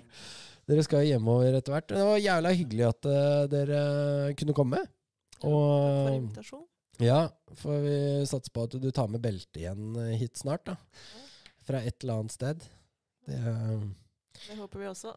ja. ja, du har jo ikke vært her siden du tok de beltene i amatør. Ja. Nei. Ja. Så du hadde med deg belte sist. Det får begynne Det er kanskje litt vanskelig nå som proffkarrieren er i gang. Da er det ikke sånn eh, beltekamp med en gang, da. Ja, Men, eh, det er ikke det. nei. Du må jobbe for det. Ja, nå må du, nå må du jobbe hardt for det. Ja. Men eh, det, jeg liker veldig det dere gjør. At dere trener litt forskjellige steder og henter litt forskjellige impulser. For det tror jeg er helt 100 riktig å gjøre. Så hvis noen sier noe dritt, så kan du sende min vei, skal jeg fortelle motsatt. og det sier jeg som en som kjenner folk på begge steder. Jeg kjenner Tommy og Quentin og Heum og alle disse her. Det er bare Det er kjedelig hvis det skal bli noen sånne sure miner og alt sånt der, men, Nei, det men det. fuck det. Hvis det skjer, så fuck det. Ja, men det er ikke det heller, så det er det som er så fint. Man kan trene på flere steder, og Ivan er fornøyd, og de er fornøyd, og. Resultatet virker som det blir bra. Mm. Mm. De har en oppgave å gjøre meg bedre, og det er det. Ja, ja. Trenger ikke å blande seg hvor skal jeg trene. Nei. Det er Jeg er helt enig i det Ja. vi snakka om. Ja. um, At uh, det er viktig. gjør det som er best for Ivana. Mm. Det er det som er uh, Bare ikke bli helt Conor McGregor og Ja, nei. Langt unna det. Nei, det er viktig å ha litt nei-mennesker rundt seg innimellom også. Fordi han har jo blitt sånn at 'jeg vet best'. Kavanaugh, han kan, eh, han kan gå bak meg, liksom. Det, det er ikke alltid det er det lureste heller. Men eh, Ikke Ivan er helt der. Nei. Du veit aldri, vet du. Nå som proffdrømmen eh, kommer, og Conor McGregor var jo en sympatisk, fin person, han til å begynne med. Nei, nei. Nei da. Plutselig er det jeg som står på kjøkkenet, vet du. Får du på deg forkle og Ja, ja, hele greia. hele greia. Men tusen takk for at dere kom. Det var fett, det der. Så snakkes vi helt sikkert en uh, tur seinere i år, uh, tenker jeg, når det har vært et par kamper til. Det gjør vi. på det. Det gjør vi. Ha det. Ha det.